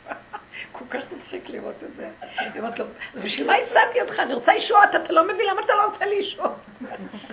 אני יודעת את האמת שלה, אבל זה כל כך מפרק לראות את זה, זה פשוט מדהים. היא לא קולטת, וזאת אומרת לו, היא צועקת, אתה לא מבין שאני לא מבינה מה אתה אומר, אני לא מבינה מה אתה מקשקש, מה אתה אומר? רק לראות את זה אני נהנית מהאמת שלה, הפשוטה של איך שהיא ככה, והיא לא, לא יכולה אחרת, זה כל כך יפה לראות את זה, אני דווקא אוהבת את זה. אבל הוא מפר את זה על ידי הצחוק. יש שבירה, לרגע אני אומרת, וואי, אמרתי לה, תכבדי אותו, תפסיקי, איך את נראית? אז, אז uh, הוא מתחיל לצחוק, הוא מפרק את זה על ידי הצחוק. מקודם אמרת שאת השבירות היה צריך להיות כמו עם עץ הדעת. והיה נכתב שבדיוק קראנו שעץ החיים השם לא הזהיר אותנו לאכול, כי אם הוא מזהיר אותנו היו אוכלים, אז בכוונה לא הזהיר אותם. אז זה כאילו מוכיח שהשם רצה שהם יאכלו מעץ הדעת. אתם יודעים מה עלה בדעתי באמת? שתקשיבו, הוא אמר להם מעץ הדעת אל תאכלו, ועץ החיים היה בגן. לדעתי הנחש אכל מעץ החיים. למה? פשוט לי, כי את לא... למה? כי את לא יכולה, לעולם התוכנה הזאת לא תיגמר. ואכל וחי לעולם. כי אין לזה סוף. אני, כי העץ, לא כתוב ציווי מעץ החיים לא תאכלו. אז הוא כן אכל. אז מה, הוא יחיה לעולם? אה? הנחש הזה? השיטה לא, זה לא נגמר תודעת עץ הדת, יבואו עוד שש... הוא יושב כקופסה, לא, לא מצליחים לתקן אותו. אלה שמתקנים ותופסים נקודת השבירה, יהיה עשר פעמים עשר. זאת אומרת, אתם מבינים מה אני אומרת? שש מיטות. באלף השישי, עוד אלף שישי, עוד אלף שישי. תפסיקי להגיד את זה, הרבנית. אימא, זה מייאש. מה אכפת לך? מה אכפת לך? לא, לא, תקשיבי רגע. זה לא בגלל זה. מה, אנחנו סובלים סתם? זה מאוד מוסיף לי כשאני יודעת את זה, אתם יודעים למה? לרבנית זה מוסיף, בוא נשמע. אני אגיד לכם למה. אז מה? זה גורם לך לחזור ל... לא, זה מייאש. לא, זה לא אכפת. לא, זה תרגיל בשבילי לשמוע ולא להגיד. אבל אם את מגיבה ונבהלת, אז אז הנה הקנה מידה שאת עוד אוחזת בפרשנות. מה אכפת לך? תני להגיד. תשתמשו בכל דבר, אם אתם רואים שקופץ לך, אל תגיד לשני, תפסיק. תפסיקי את מבפנים את ה... את מה? את הפרשנות של מה ש... את האמונה בפרשנות הזאת. מה אכפת לך? אם אני רק רגע, אז מה אכפת לי בעולם? מה אכפת לי כמה שנים? ואז אני אגיד לכם למה זה מאוד עוזר לי. זה מאוד מאוד עוזר. זה מאוד עוזר לי. תבינו מאיפה אני באה, תקשיבו. למה זה עוזר? כי אני אומרת, וואי, וואי, וואי, זה לא ייגמר, עוד אנחנו יכולים לתקן אותו, את עץ הדת. לא ייגמר עוד כל כך הרבה זמן וחוזר על עצמו. אז מכאן אני מסיקה שהוא אכל מעץ החיים. כי הוא חי עם הקלקול שלו עד עולם. זהו, נגמר. אין, הסיסטם הזה לא ייגמר. המנגנון הזה לא ייפסק, זה מאוד עוזר לי להגיד, טוב, טוב, טוב, תרימי את ידיים כאן ותגברי אותו פה, כי חבל לך על הזמן. זה מאוד עוזר לי. תחפשו את זה מהנקודה הזאת של, כי אנחנו עוד אומרים, לא, עוד מעט נגיע לחיובים, ואני רואה אין סוף לדמיון הזה, תפסיקי כבר עכשיו, כי זה לא נגמר עוד וואי, וואי, וואי. כלל כשבן אדם קשה לו, אז הוא אומר, יאללה, מתי כבר יגיעו? כמו כאילו, את עוד אומרת, לא, זה רק שש וזה, אז זה קטן. אני מגדילה את זה, וואי, המשוגע, זה הולך להיות כאן עוד... מעכשיו, שמעת? מעכשיו נגמר, אין. זה מאוד עוזר לי. מבט כללי גדול טוב שמעצים את המצב הזה ואומר לי, אז תעשי עליו פס כבר עכשיו. כי זה לא ייגמר. כי לא ייגמר. לא ייגמר העבודה פה, לא ייגמר. כי כל פעם אני באה, החיובי עוד פעם קופץ לי ואני אומרת, לא ייגמר. לא ייגמר. תפסיק לדבר ולרצות שהשני יבין ולעזור לו, לא ייגמר, היא תיעלל עוד פעם כמה כואב לה, לא ייגמר. לא ככה זה עוזר לי, תלכי על זה. זאת אומרת, זה נותן את המקום הזה של בעצם החיים פה הם משוגעים, התודעה הזאת לא נגמרת, וחוזרים בגלגולים ועוד פעם וחוזרים. זה סוג של השלמה, מה שאמרת, צריך להשלים. זה לא רק להשלים, זה לא רק להשלים, זה לחיות את הסכנה בחדות כזאת ולהגיד, פשוט לא, אין לי הסבל נוראי. לא רוצה, לא רוצה וזהו, לא רוצה וזהו. זה מחדד לי את המוחלטות של כמה אני לא רוצה להיכנס בתוכנית של יותר. לא מה לא עשינו? נכנסנו לאורך ולרוחב. כמעט נתנו, ואז פתאום אמרו לנו, תצאו. תשמעו, זה לא נגמר, אנחנו יכולים להישאב לזה. לא נגמר. ואנחנו רואים את זה כשאני רואה נשים נגד מתקשרות אליי. כך וכך, די, די, די. עד שזה כבר נגמר, די, אחר כך משהו חדש. כן, ואין כבוד. סליחה, נתתי לך שעות עם האוזן שלי וזה, וימים, ואני איתך שנים. תקשיבי, נמאס לי כבר, את לא תופסת את הנקודה, תעופי לי מהעיניים. אתם לא מבינים שיש משהו כזה בפנים, מין, נקודה כזאת, לא, לא בגלל זה, היא מסכנת אותי, אין לי כוח. כי אני ישר בקלות רוצה לרצות ולהמשיך לעזור, כאילו, אני יכולה לעשות לה משהו. תתני איזה נקודת עבודה, מתוכך יבוא משהו שיגאל אותך, תפסיקו. אנחנו עכשיו במוחלטות יותר גדולה. מספיק עם הפינוקים האלה של הקשקושים. עשינו הרבה עבודה. כן, עשינו הרבה עבודה. גם הרבה אנשים היו באים אליו, מקבלים פינוקים, תשומת לב, יחס, דיבורים שלו והכל. ואז הוא יעשה, כי אתם פותחים את ההמתחות שלכם לקבל ישועות. הולכים, משתמשים בהם, חוזרים, נגמר לכם עוד פעם ישועות. אין לי כוח לחלק ישועות, אתם לא תופסים את הנקודה. הרבנית סיפרה האישה הזו מהשואה, שהוא בא אליה, היא באה אליו, היא הייתה בעלה, הילדים, המשפחה, היא באה ערירית ממש לבד, והיא באה. אז uh, הוא אמר לה, שתי מילים, הוא אמר לה, יש לי משרוקית, את רוצה, אני יכול להלוות לך את זה. לא נותן לך את זה, כן, למה הוא אמר, כן, שמעתי את הדיבור הזה. אני יכולה להשאיר לך את המשרוקית שלי. כאילו, אה, הסיפור עם הצלחת עם הצלעה וכסף, הוא ישב איתה ארבע שעות, כאילו שטות. וכאן היא באה כן. כאילו כבר, אה, כי היא ראה שהיא הולכת להשתגע, כן, זו כאילו- חדות. אין כלום. זה לא ייגמר, צאי מזה. זה מדהים. גם שלוימי אמר לי שהוא שמע בבית צפפה שם, אה, ששאלו איפה השם היה בשואה, אז הוא אמר, הוא היה בהיטלר. איפה הוא היה? בהיטלר. בתוך הדבר עצמו, בתוך, בתוך הנחש. שכינה ונחש הולך ככה, הם מלופפים. אתם לא מבינים? אנחנו חייבים לקבל את הנחש. להפסיק לריב איתו, להפסיק לכעוס, להפסיק רק ככה. כשאת עושה ככה, ואת משחררת את הפרשנות ומתבטלת איתו, אז הוא נעלם, הוא לא קיים. אין, הוא מתפרנס מההתנגדות שלנו. אין כוח יותר להתנגדות. אני רואה ש... אני לא יכולה כבר להכין, אבל הבשר בדם אומר לנו, הגענו לגבול מאוד קטן, שאת כבר לא יכולה. אז תעצרי ותגידי, אין כלום. הוא נעלם, מתגלה שכינה. אנחנו נותנים לו זונדה כל הזמן, שיחיה. אה? אמרתי לך, אנחנו נותנים לו כל הזמן זונדה, שהוא זהו. כן, זה כאילו, הצורה של החשיבה שלנו יונק ממנה. ועכשיו עוד פעם, פשוט, אני לא יכול, טיפה תפוקה, טיפה שיער, טיפה זה, הגבול מאוד קטן. תרפי, תרפי אחיזות. כי האחיזה היא דוקרת, זה הרס. הלכתי למות מהבן שלי, אנחנו אחוזם בבן, אני גם, אז אני אתקוף בשביל אף אחד, כאילו הוא ימות בשבילי. הוא לוקח כל מה שאומרים, ככה הם לוקחים. זה כלום. מה, למה אנחנו יש לנו את החוק? הכוח הזה, לא חייבים לפרק אותו. הוא הערך של הנחש שבחווה, באם כל חי. זה היה ניסיון, השם רצה להביא אותי למקום הזה שאני בסדר, בסדר. חיה, לא נגמר חיה, יבוא הבן. נגמר רק עם חיה, ואז זה... בטח, כל הזמן, מהצד שלה. לא נגמר, זה לא ייגמר. והוא ילד שהוא תמיד, מה נשמע, משהו, משהו, לילה, הוא לא ילד תמיד בכיין. הוא ילד... אבל האנשים עכשיו נופלים למקומות האלה, אנחנו לא ניתן את העבודה הזאת, זה מה שיעזור לעולם לקום. כי למה? ברגע שאנחנו נותנים את המקום הזה, יקום מתוכנו משהו שטיפה כזאת, אחד יניס אלף ושתיים רבבה, יקים את הכוח הזה והוא יעזור לעולם, כי העולם במצב של שבירה. נכון. ואז כוחות הרשע ישלטו, ויש צער מאוד גדול. שבירה מאוד. הוא יפרק דרך זה את הכל. תנו את הנקודה.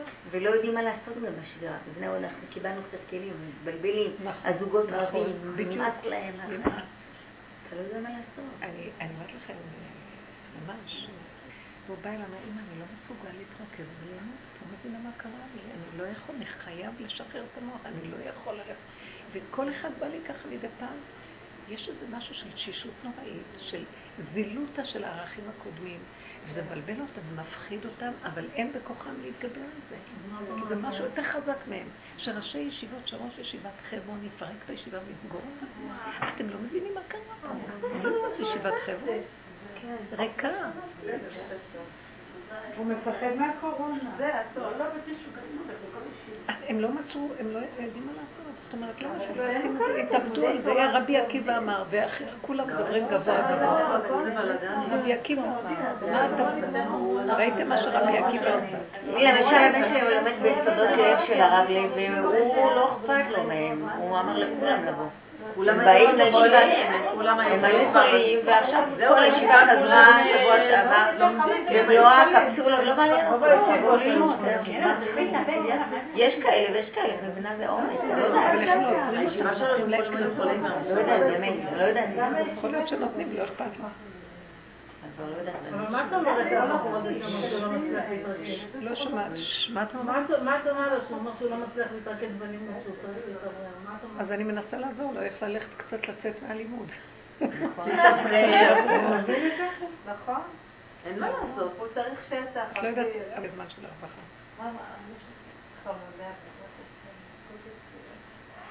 יש לעשות, אין מה לעשות כלום, אין פתרונות ואין שום דבר. יש ככה ולהשלים ולקבל. אז ככה. פחד שלי, מה יוצא מהלימוד? אין לי כבר סבלנות. שיחיה, לא אמות כי יחיה, קודם כל שיחיה. שיחיו ולא ילכו לאיבוד. המצוקות גדולות, משפחות, תקשיבו, אין פרנסה, מלא ילדים, אין מה, לפעמים אתם לא מבינים, עומדים ככה, משכנתה, עניינים, זה, ואין הכנסה, אין. יש משהו נורא קשה עכשיו, המסגרות, אה, אין, אין, אין עבודה. היה מוסר שיעורים, הוא היה רם באיזו ישיבה, זה היה זה, אין. הכל מתוך הזום, גם מתוך הזום זה מגעיל, אי אפשר. איזה שיטה משונה.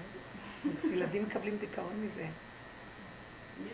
אצל החרדים יותר חרדים אין זום, זה בטלפון. כל הזמן עם הטלפון. איך אפשר? זה קשה.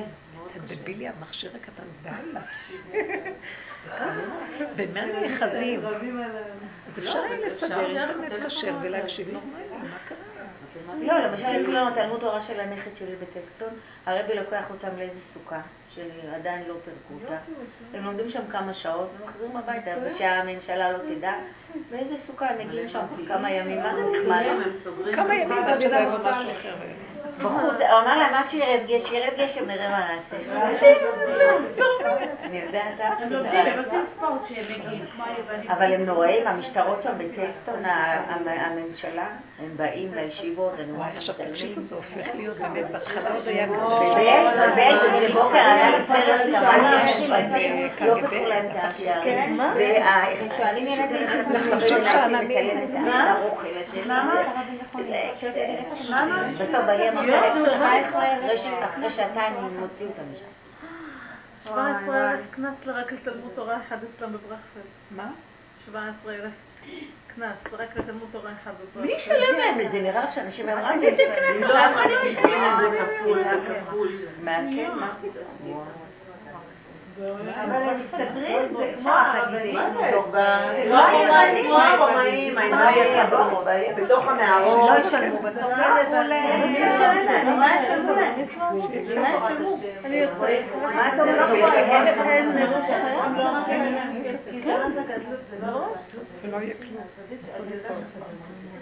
אני מאמינה שיקום, זה לא יכול לחזור מעמד. אני בסוף לך שם אחים, עדיין, כן, כי יש שקט בבית. לא, כי לא, כי זה גם כבר, לא כבר שיגעון בבית של בסדר, צריכים לעשות את זה אולי משהו יותר קטן. לא, זה תוכנית של שיגעון. הם הולכים, חוזרים, בידוד שבועיים, חוזרים, מדביקים, זה נדבק, זה מבודד. הם גם לא נרדמים, כי הם לא עושים כלום שחיון, הם לא נרדמים. הילדים התבלבלו והם בתפקוד. כן. רק תראי, כל השנים אמרנו, מתי הוא יפרק את המסגרות. הנה, מסגרות, תמצא את המסגרות החדש מיד, אם לא אני מתה. תקשיבו, שחררו. בואו ניקח ככה את הסיפור. שחררו את הכל. שחררו. אני לא רוצה שייבנה עוד פעם. שחררו את הילדים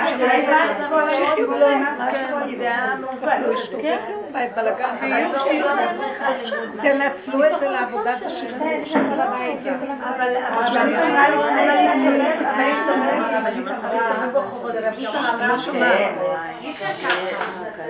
הרבנית אמרה לפני שנים, שרב אושר אמר שבסוף כמעט כל הישיבות התפרקו, הכל התפרקו. מיומות הכל מסודר. כן, כן. הוא אמר, הוא אמר דברים קשים. אתם יודעים מה עוד הוא אמר ששמעתי לאחרונה? שהשואה יהיה קטן ליד מה שיהיה. הרבה אומרים את זה. דווקא לא, אני ידעתי שהוא אמר שיהיה... בואו לא ניקח את זה בצורה הוא אמר שלילית. לא בגוף בנפש. בדיוק, הוא אמר יהיה שעה בנפש. מה שאני... לא, לא, עוד יותר. בואו ניקח את זה. אני אומרת לכם, רק דבר אחד, שיהיה קטן, מה שהיה, הדבר היחידי שאני יכולה להכיל את זה, זה רק תרדי למקום של השכינה, סגרי את המוח, שמה בתוך המנהרה. מה אכפת לך, לא יודעת, לא שומעת לו כלום, ומוגנת ושמורה, והעולם יקבל ישועה דרך זה, לפרק את ה... אז שימו לב, זה לא בשביל שאני נביא זעם, חס ושלום אומרת דברים. זה בשביל שאין ברירה רק לעשות כך וכך. זה בדווקא נותן לי חיזוק. כי מי שנמצא במקום הזה, אין לו מוח, הוא לא יודע, זהו. זה המקום היחידי שאפשר יהיה לשרוד את המהלך הזה, וגם זה לא, זה מלכתחילה כבר שם. כי מי שיושב שם, יש לו, כי יושב בחושך השם אור לי, ועת שרה אל יעקב, וממנה יבשע. דווקא המקום הזה של השבירה לגמרי, ואת נכנסת שם בלי מוח, בלי כלום, פאק, משם יש אור. וזה עוזר לכולם. אז לא לפחד מדיבורים כאלה. כי עץ הדעת תגיד, לא, לא, אל תגידי, אל תגידי, את מפחידה אותי, זה לא טוב, מה זה? לא הולך בטרנד הזה, בדווקא נעצים את השלילה, בדווקא כדי להשתמש בה ולהגיד, אם כן מעוות, אין מה לעשות, רק ללכת בכיוון ההפוך, ובמוחלטות, זה עוזר לנו למוחלטות, זה מה שזה השידור. זה לא בשביל אה, להפחיד או משהו כזה. כן. קיצור מהחשיבה הזאת, זהו, אין תקנה בחשיבה הזאת, חבל על הזמן. אנשים, אני, אני, יש רחמנות בעולם. אז אם באמת אנחנו יכולים להיות כלי שדרכו העולם מקבל ישועה, כמו שאנחנו מביאים את המהלך הזה למצב הזה על ידי עבודה, כך גם הישועה תבוא מאיתנו. מה אנחנו עשינו? פירקנו את עץ הדת, פירוק אחר פירוק אחר פירוק אחר פירוק, ומגיעים ליסוד הגולם. עכשיו העולם מתחיל להגיע למקום הזה. עכשיו הגולם צריך להיות פרפר. תקימו את השכינה, יהיה פרפר. הפרפר הזה יציל את מה שקורה בחוץ. אז אנחנו בתהליך טוב. אז מה, להישאר כל הזמן ב... אין לך ברירה. אין מוח. אין ברירה. אין. את רואה שהסיבה באה הולכת עוד פעם, עוד פעם. מה אדם יכול? כמה יכול להגיד? אבל עכשיו זה יותר קל כאילו לעשות את זה, כאילו יש את כל הנתונים של ה... מבחוץ, כאילו, שעוזרים לך. איך ברירה כאילו כל כך. ממש. זה מכריח אותך למצב, מה, יש לך משהו לעשות? עכשיו, זה, זה נותן לך גיבוי שעכשיו עזבי את הבחוץ ותיכנסי עוד יותר פנימה. זה עוזר לנו להיכנס, כי הבחוץ תקוע. אז עכשיו אנחנו הולכים להיכנס למדרגה יותר פנימית של חיבור עם האיך שזה ככה. כי במילא הכל תקוע בחוץ. עוד שיש בחירה בחוץ, וזה את עוד נאבקת לעבוד איך שזה ככה מתוך המצב הטוב. אין כבר מאיפה ואיך, אז מה את עוד רבה עם האיך שזה ככה, כאילו יש לך ברירה אחרת בכלל? מה? אנחנו לא יושבים במיטבנו בכלל. אז מה עוד המחשבות שלנו? כאילו עייני יש לנו איזה בחירה? איזה בחירה יש? רק לבחור בשלילה והיותר גדולה. עכשיו, אני לא בוחרת בה, היא גם באה. אנחנו לא מתנדבים לכלום. אבל ברגע שהיא באה ומשהו לא, תחפשו את העוד יותר שלה. זה מאוד יפה, זה מדהים. אבל באמת, הנושא של הכסף, כל הזמן להגיד אין ולא אכפת לי שלא יהיה. אה, זה כל כך יפה. אם אנחנו יורדים למקום הזה, רק בזה אנחנו באמת נחדד את זה. תקשיבו רגע, אנחנו הולכים עם עץ הדת, הוא, מפרק לנו את החיים ואת הצורה, אנחנו אוכלים יותר מדי, מייללים את... המוח שלנו גורם לנו את כל המחלות שלנו, את כל הכאבים שלנו. הוא ממורמר, אז הולכים לאכול כדי להרגיע את המרמור. חסר לנו, אנחנו רצים פתאום מסיפוק לנפילה, מנפילה לסיפוק. וכשאנחנו נכנסים לתודעה של הגוף הפנימי, יש משהו כל כך שקט שם ומדויק. לא, אני קולטת את זה. לא נצטרך לאכול כמעט. לא נצטרך לעשות פעולות גדולות. הקטן עושה, מתוך הקטן יש ישועה. מתוך הקצת שאכלת יש שובע וברכה והכל בסדר, גוף בריא. יש תוחלת אחרת של חיים שם. וישועה מאוד גדולה. נמאס לי מהשיטה של החיים שלנו פה. זה לא נגמר לרוץ אחרי הוויטמינים האלה והחיזוקים האלה, ואז כי את יום ככה ויום ככה. התרבות הזאת פה קשה קשה, שאנחנו נלך אחורה. ואני אמרתי לכם את זה, סיפרתי לכם על ה... הייתי אצל אישה אחת, שהיא מכינה צמחים. תמציות, סיפרתי לכם את זה? לא, לא. תמציות צמחים. עכשיו, אם... אני לא ידעתי, כאילו, אמרה, היא מכינה צמחים, ואז כשלא הרגשתי טוב פה, אז מישהו שמכיר אותה, אחותו באה לשיעורים וזה, אז הוא הביא לי אה, שתי בקבוקים של אה, משהו נגד אנטי-בקטריאלי ואחד לחיזוק, מערכת החיסון. אחרי כמה זמן הוא מתקשר ואומר לי, אולי את רוצה לבוא אליה, כדאי לך לראות אותה, היא מיוחדת וזה. תבואי וגם היא יכולה לעשות לך משהו, להרכיב לך משהו שאת רוצה קצת לחיזוק. לאחרונה אני אומרת, מחפשת כזה לתשישות, לזה. עכשיו, הלכתי אליה. באמת, אני אגיד לכם, איך שנכנסתי שם, לא יכולתי אפילו לעמוד ליד הדלת, זה כל כך מקום. בתי חולים מסוכנים נורא. את מרגישה את הקליפה והכדרות מזעזעת, פחד מוות. בקיצור, יצאתי לזה, אז הוא לקח אותי לאישה הזאת. מה רציתי לספר? אישה בת 90. ובעלה בן 91. כזה גובהו כגובה ארזים, בן 91 גבוה, עיניים כחולות עמוקות, כמו ים טהור של ילדים קטנים מבריקות. אה? סיפרתי לך? לא, אמרתי אין דברים חמודים, אבל... אבל לא, באמת, יש משהו שילד קטן, נקי, זך, עוצמה, חוזק, בן 91. היא בת 90. קצת יש לה משהו שהצוואר שלה טיפה כפוף, אבל לא חשוב. והוא אומר לי, ו...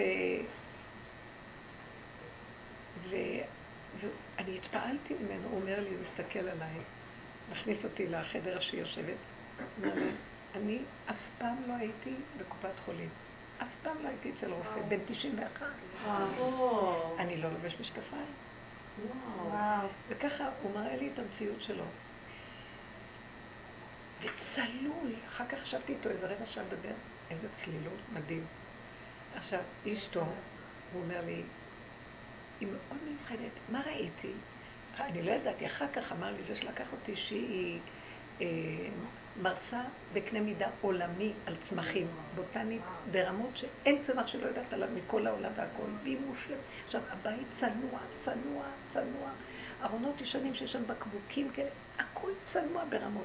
היא צנועה, צנועה, לא מחזיקה מעצמה כלום, כלום, כלום, פשוט, פשוט, פשוטה מאוד מאוד מאוד.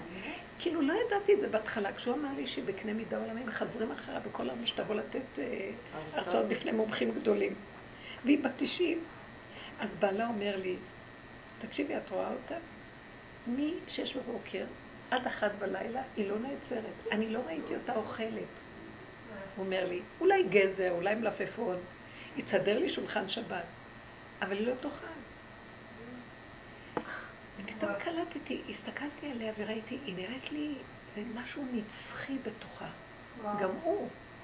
היא מסדרת, הם כנראה לוקחים מהשיקויים האלה, אבל גם צורת החיים שלהם.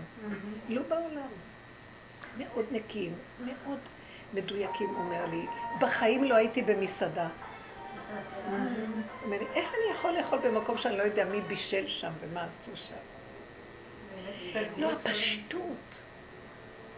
וגם היא פשוטה, הפשטות שלה, אתם יודעים, כל כך צנועה בנפש, שלא, אני קלטתי ואמרתי, תראו איפה בני אדם אמיתיים נמצאים. הם מחוברים לטבע, אבל לא כמו המשוגעים האלה של הטבע. כי הם באמת מכווננים לנקודת האמת הפשוטה של הקיום, והם לא נזקקים לכלום. החיים שלהם צניעות שלא תתואר. באמת. והם כמו ילדים שמחים, והיא היא מחוברת, היא מאוחדת עם הנקודה שלה, אבל בלי יהירות, בלי כלום, פשטות. ואמרתי לעצמי, וואי, איך אנחנו חיים. היא מהבוקר שהיא קמה, עד אחת בלילה, אישה בת 90, לא הולכת לישון. והיא לא אוכלת כמעט. היא לוקחת את ה... כנראה את התמציות שהיא עושה, היא עוזרת לעצמה עם התמציות. אז האוכל לא נזכר כמעט. אני שמתי לב לזה, שהמוח, הוא עושה אותי רעבה, והוא מנדנד לי, הוא משעמם לו, הוא מחפש אחיזות. צריך... אוכל זה גם אחיזה. והרבה פעמים כשאני הולכת, לוקחת אחר כך את האחיזה, משהו צועק בפנים הזה, זה כבר לא טעים אפילו. זה כאילו משהו רוצה להגיד לנו, בואו אליי, בואו, אני אעזור לכם. הם חיים איתו, הם חיים עם השכינה, אני ראיתי את זה. אני ראיתי. רגע, זה לך שיקוי? אה? שיקוי. היא הרכיבה לי מכמה צמחים. ואת קונה את זה, זה הרבה פעמים את יכולה לקנות בכל מיני מקומות, מכמה צמחים. זה לא חשוב, אבל זה גם לא העניין הזה. זה לא העניין הזה. הם חיים ככה, ברמה כזאת, שזה מצטרף, אתם מבינים? פשטות. לא מתערבבים בכל השקר. שהוא יגיד לי שהוא לא היה פעם אחת אצל רופא אדם בן 91, איזה חוסן, איזה... שהוא יגיד לי ש... ש... שהיא לא אוכלת. סיפרה לי אחת שהייתה פה. תקשיבו, זה אורך ימים. מה זה האכילה הזאת שאנחנו מטורפים? הרמב"ם אומר יותר שמתפלל שייכנס אוכל במאף, שיתפלל שלא ייכנס אוכל במאף. סיפרה לי אחת שהייתה באה לשיעורים פה לפני שנים. אז היא סיפרה לי שהייתה לה סבתא שהיא הייתה כבר בת 102. והייתה בריאה. ובאו אליה חוקרים וזה, לשאול איך היא חיה, מה היא אכלה. בבוקר כוס קפה עם בייגלה, זה היה כל האוכל שלה, זהו. מה? אבל היא אומרת, היא הייתה חתיכת אמונה, כאילו משהו באמת... כן, זה הנקודה של החיבור. זה הכל. תקשיבו, התודעה הזאת משוגעת, היא גורמת, היא... מה אתם חושבים שהשם יכול... 80 ימי שנות האדם, אם בגבורות 80 שנה וארבע, זה מה שהוא יכול? אפשר לחיות בלי סוף. אבל אנחנו דפוקים, התוכנית הזאת גורמת לנו למות. עכשיו, אני לא מדברת שאני מחפשת, אבל הגוף הזה, יש לו תוחלת הרבה יותר ממה שאנחנו... והחיים שלנו, דרך התודעה הזאת משוגעת לגמרי. הרבנית, אבל באלון הקודם, בראשית, את אמרת שכל הבריאה, ברא את הכל כדי שנשתמש בהכל. נכון. זאת אומרת, אנחנו כן... לא אמר לנו, אבל כמה להשתמש. עכשיו תראו מה זה הכוונה, מה הכוונה להשתמש בהכל? מה הכוונה? בוא תתחיל להשתמש? מה שהם היו צריכים להשתמש, בא להם במוח עד למחשבה, תעשה זה, תעשה זה. ואז הם ידעו אם להשתמש או לא. הם לא הלכו במוח של עץ הדת, אה, זה התאווה הזאת, יש לך מלא עוגות, בוא תאכל גם מזה וגם מזה, ותשתמשו בהכל ותעלו את הכל. זה לא מה שאנחנו סוברים. כל מה שיש פה בבריאה, אתם תשתמשו כדי להעלות אותה, כדי לתת לה תיקון. ואיך יהיה השימוש שלה? זה יגיע עד אליכם. אם יש לך צורך במשהו במוח, סימן שהיא צריכה תיקון. אנחנו אומרים, אני, אני היום לא יכולה לסמוך על המוח שלי כשהוא אומר לי, אני צריך. לא יכולה לסמוך עליו.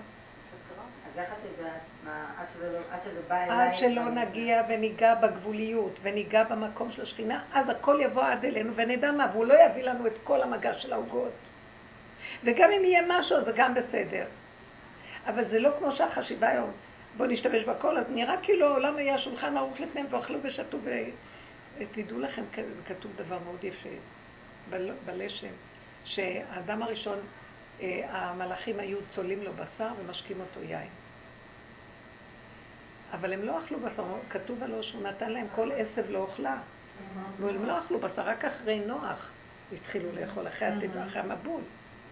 אז הוא מסביר מאוד יפה, שזה בעצם מהזוהר ומהארי, שהיו לו צולים לו בשר מהשמיים, לא בשר של פה.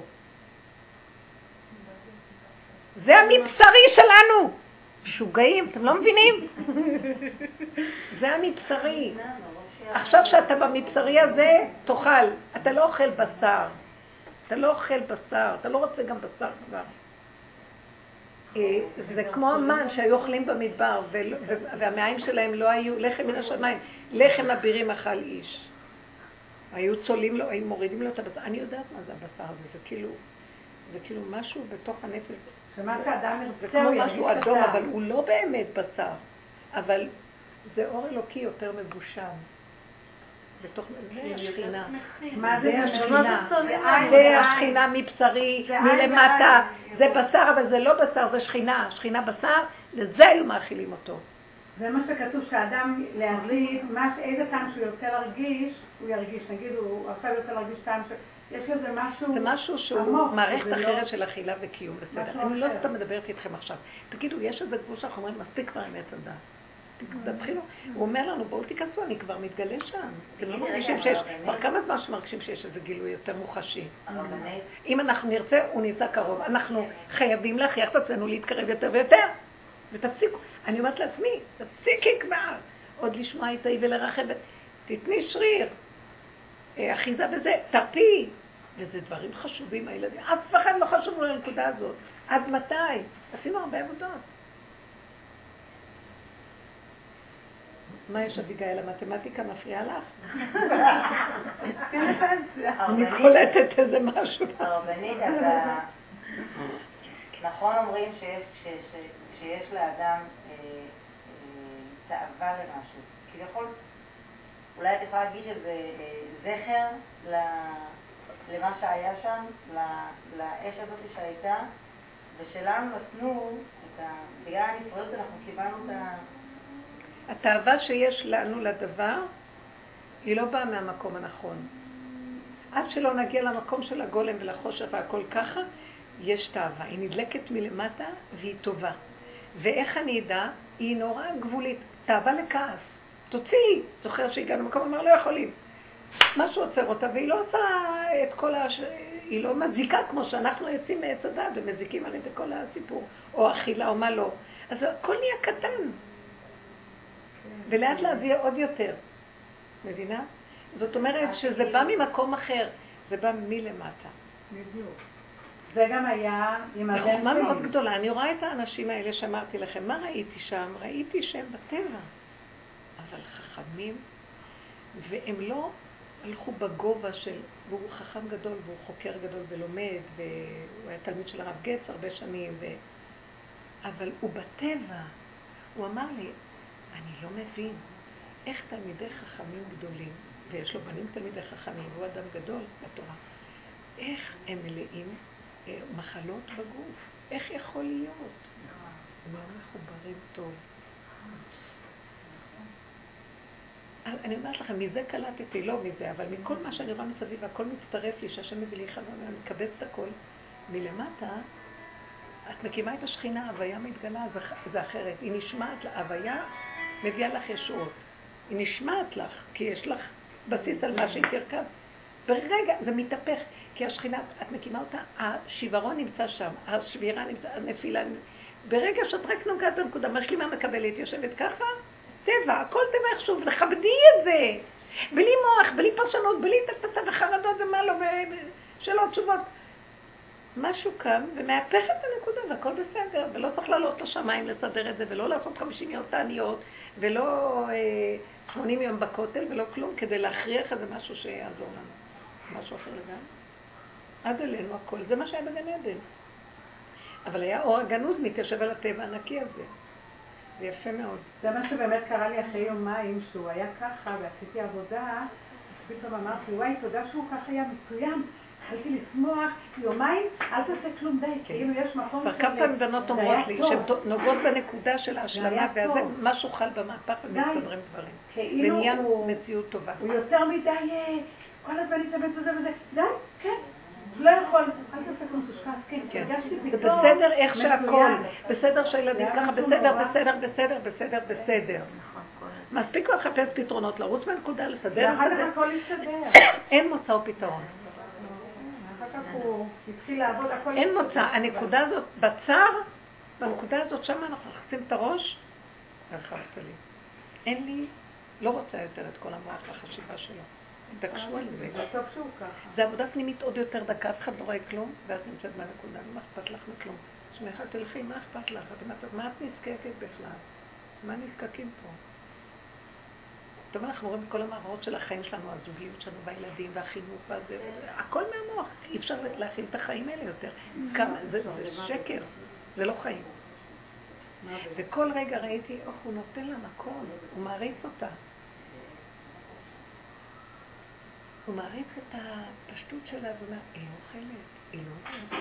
כאילו, יש להם כבוד כזה פשוט של קיומיות. זה מאוד יפה. אז החיים פה הם אה, תת רמה. ברור מה. וגם מעוות, לכי תתקני אותם. אי אפשר, אי אפשר. פשוט לברוח מהם. פשוט. לברוח לתוך נקודת האמת. זה לא לברוח את הבריחה שאנחנו בורחים. צריך שמישהו יחיה בתת רמה. איך? צריך שמישהו יחיה בתת רמה, צריך קשה לסיים לעשות. נכון. קול ברמה נשמע. עכשיו רחל אימנו, לא, מתי זה היום הוצאים שלה? לא, יש עוד זמן. השבוע. קול בתת רמה. למה היא בוכה? כי אנחנו כבר אמרנו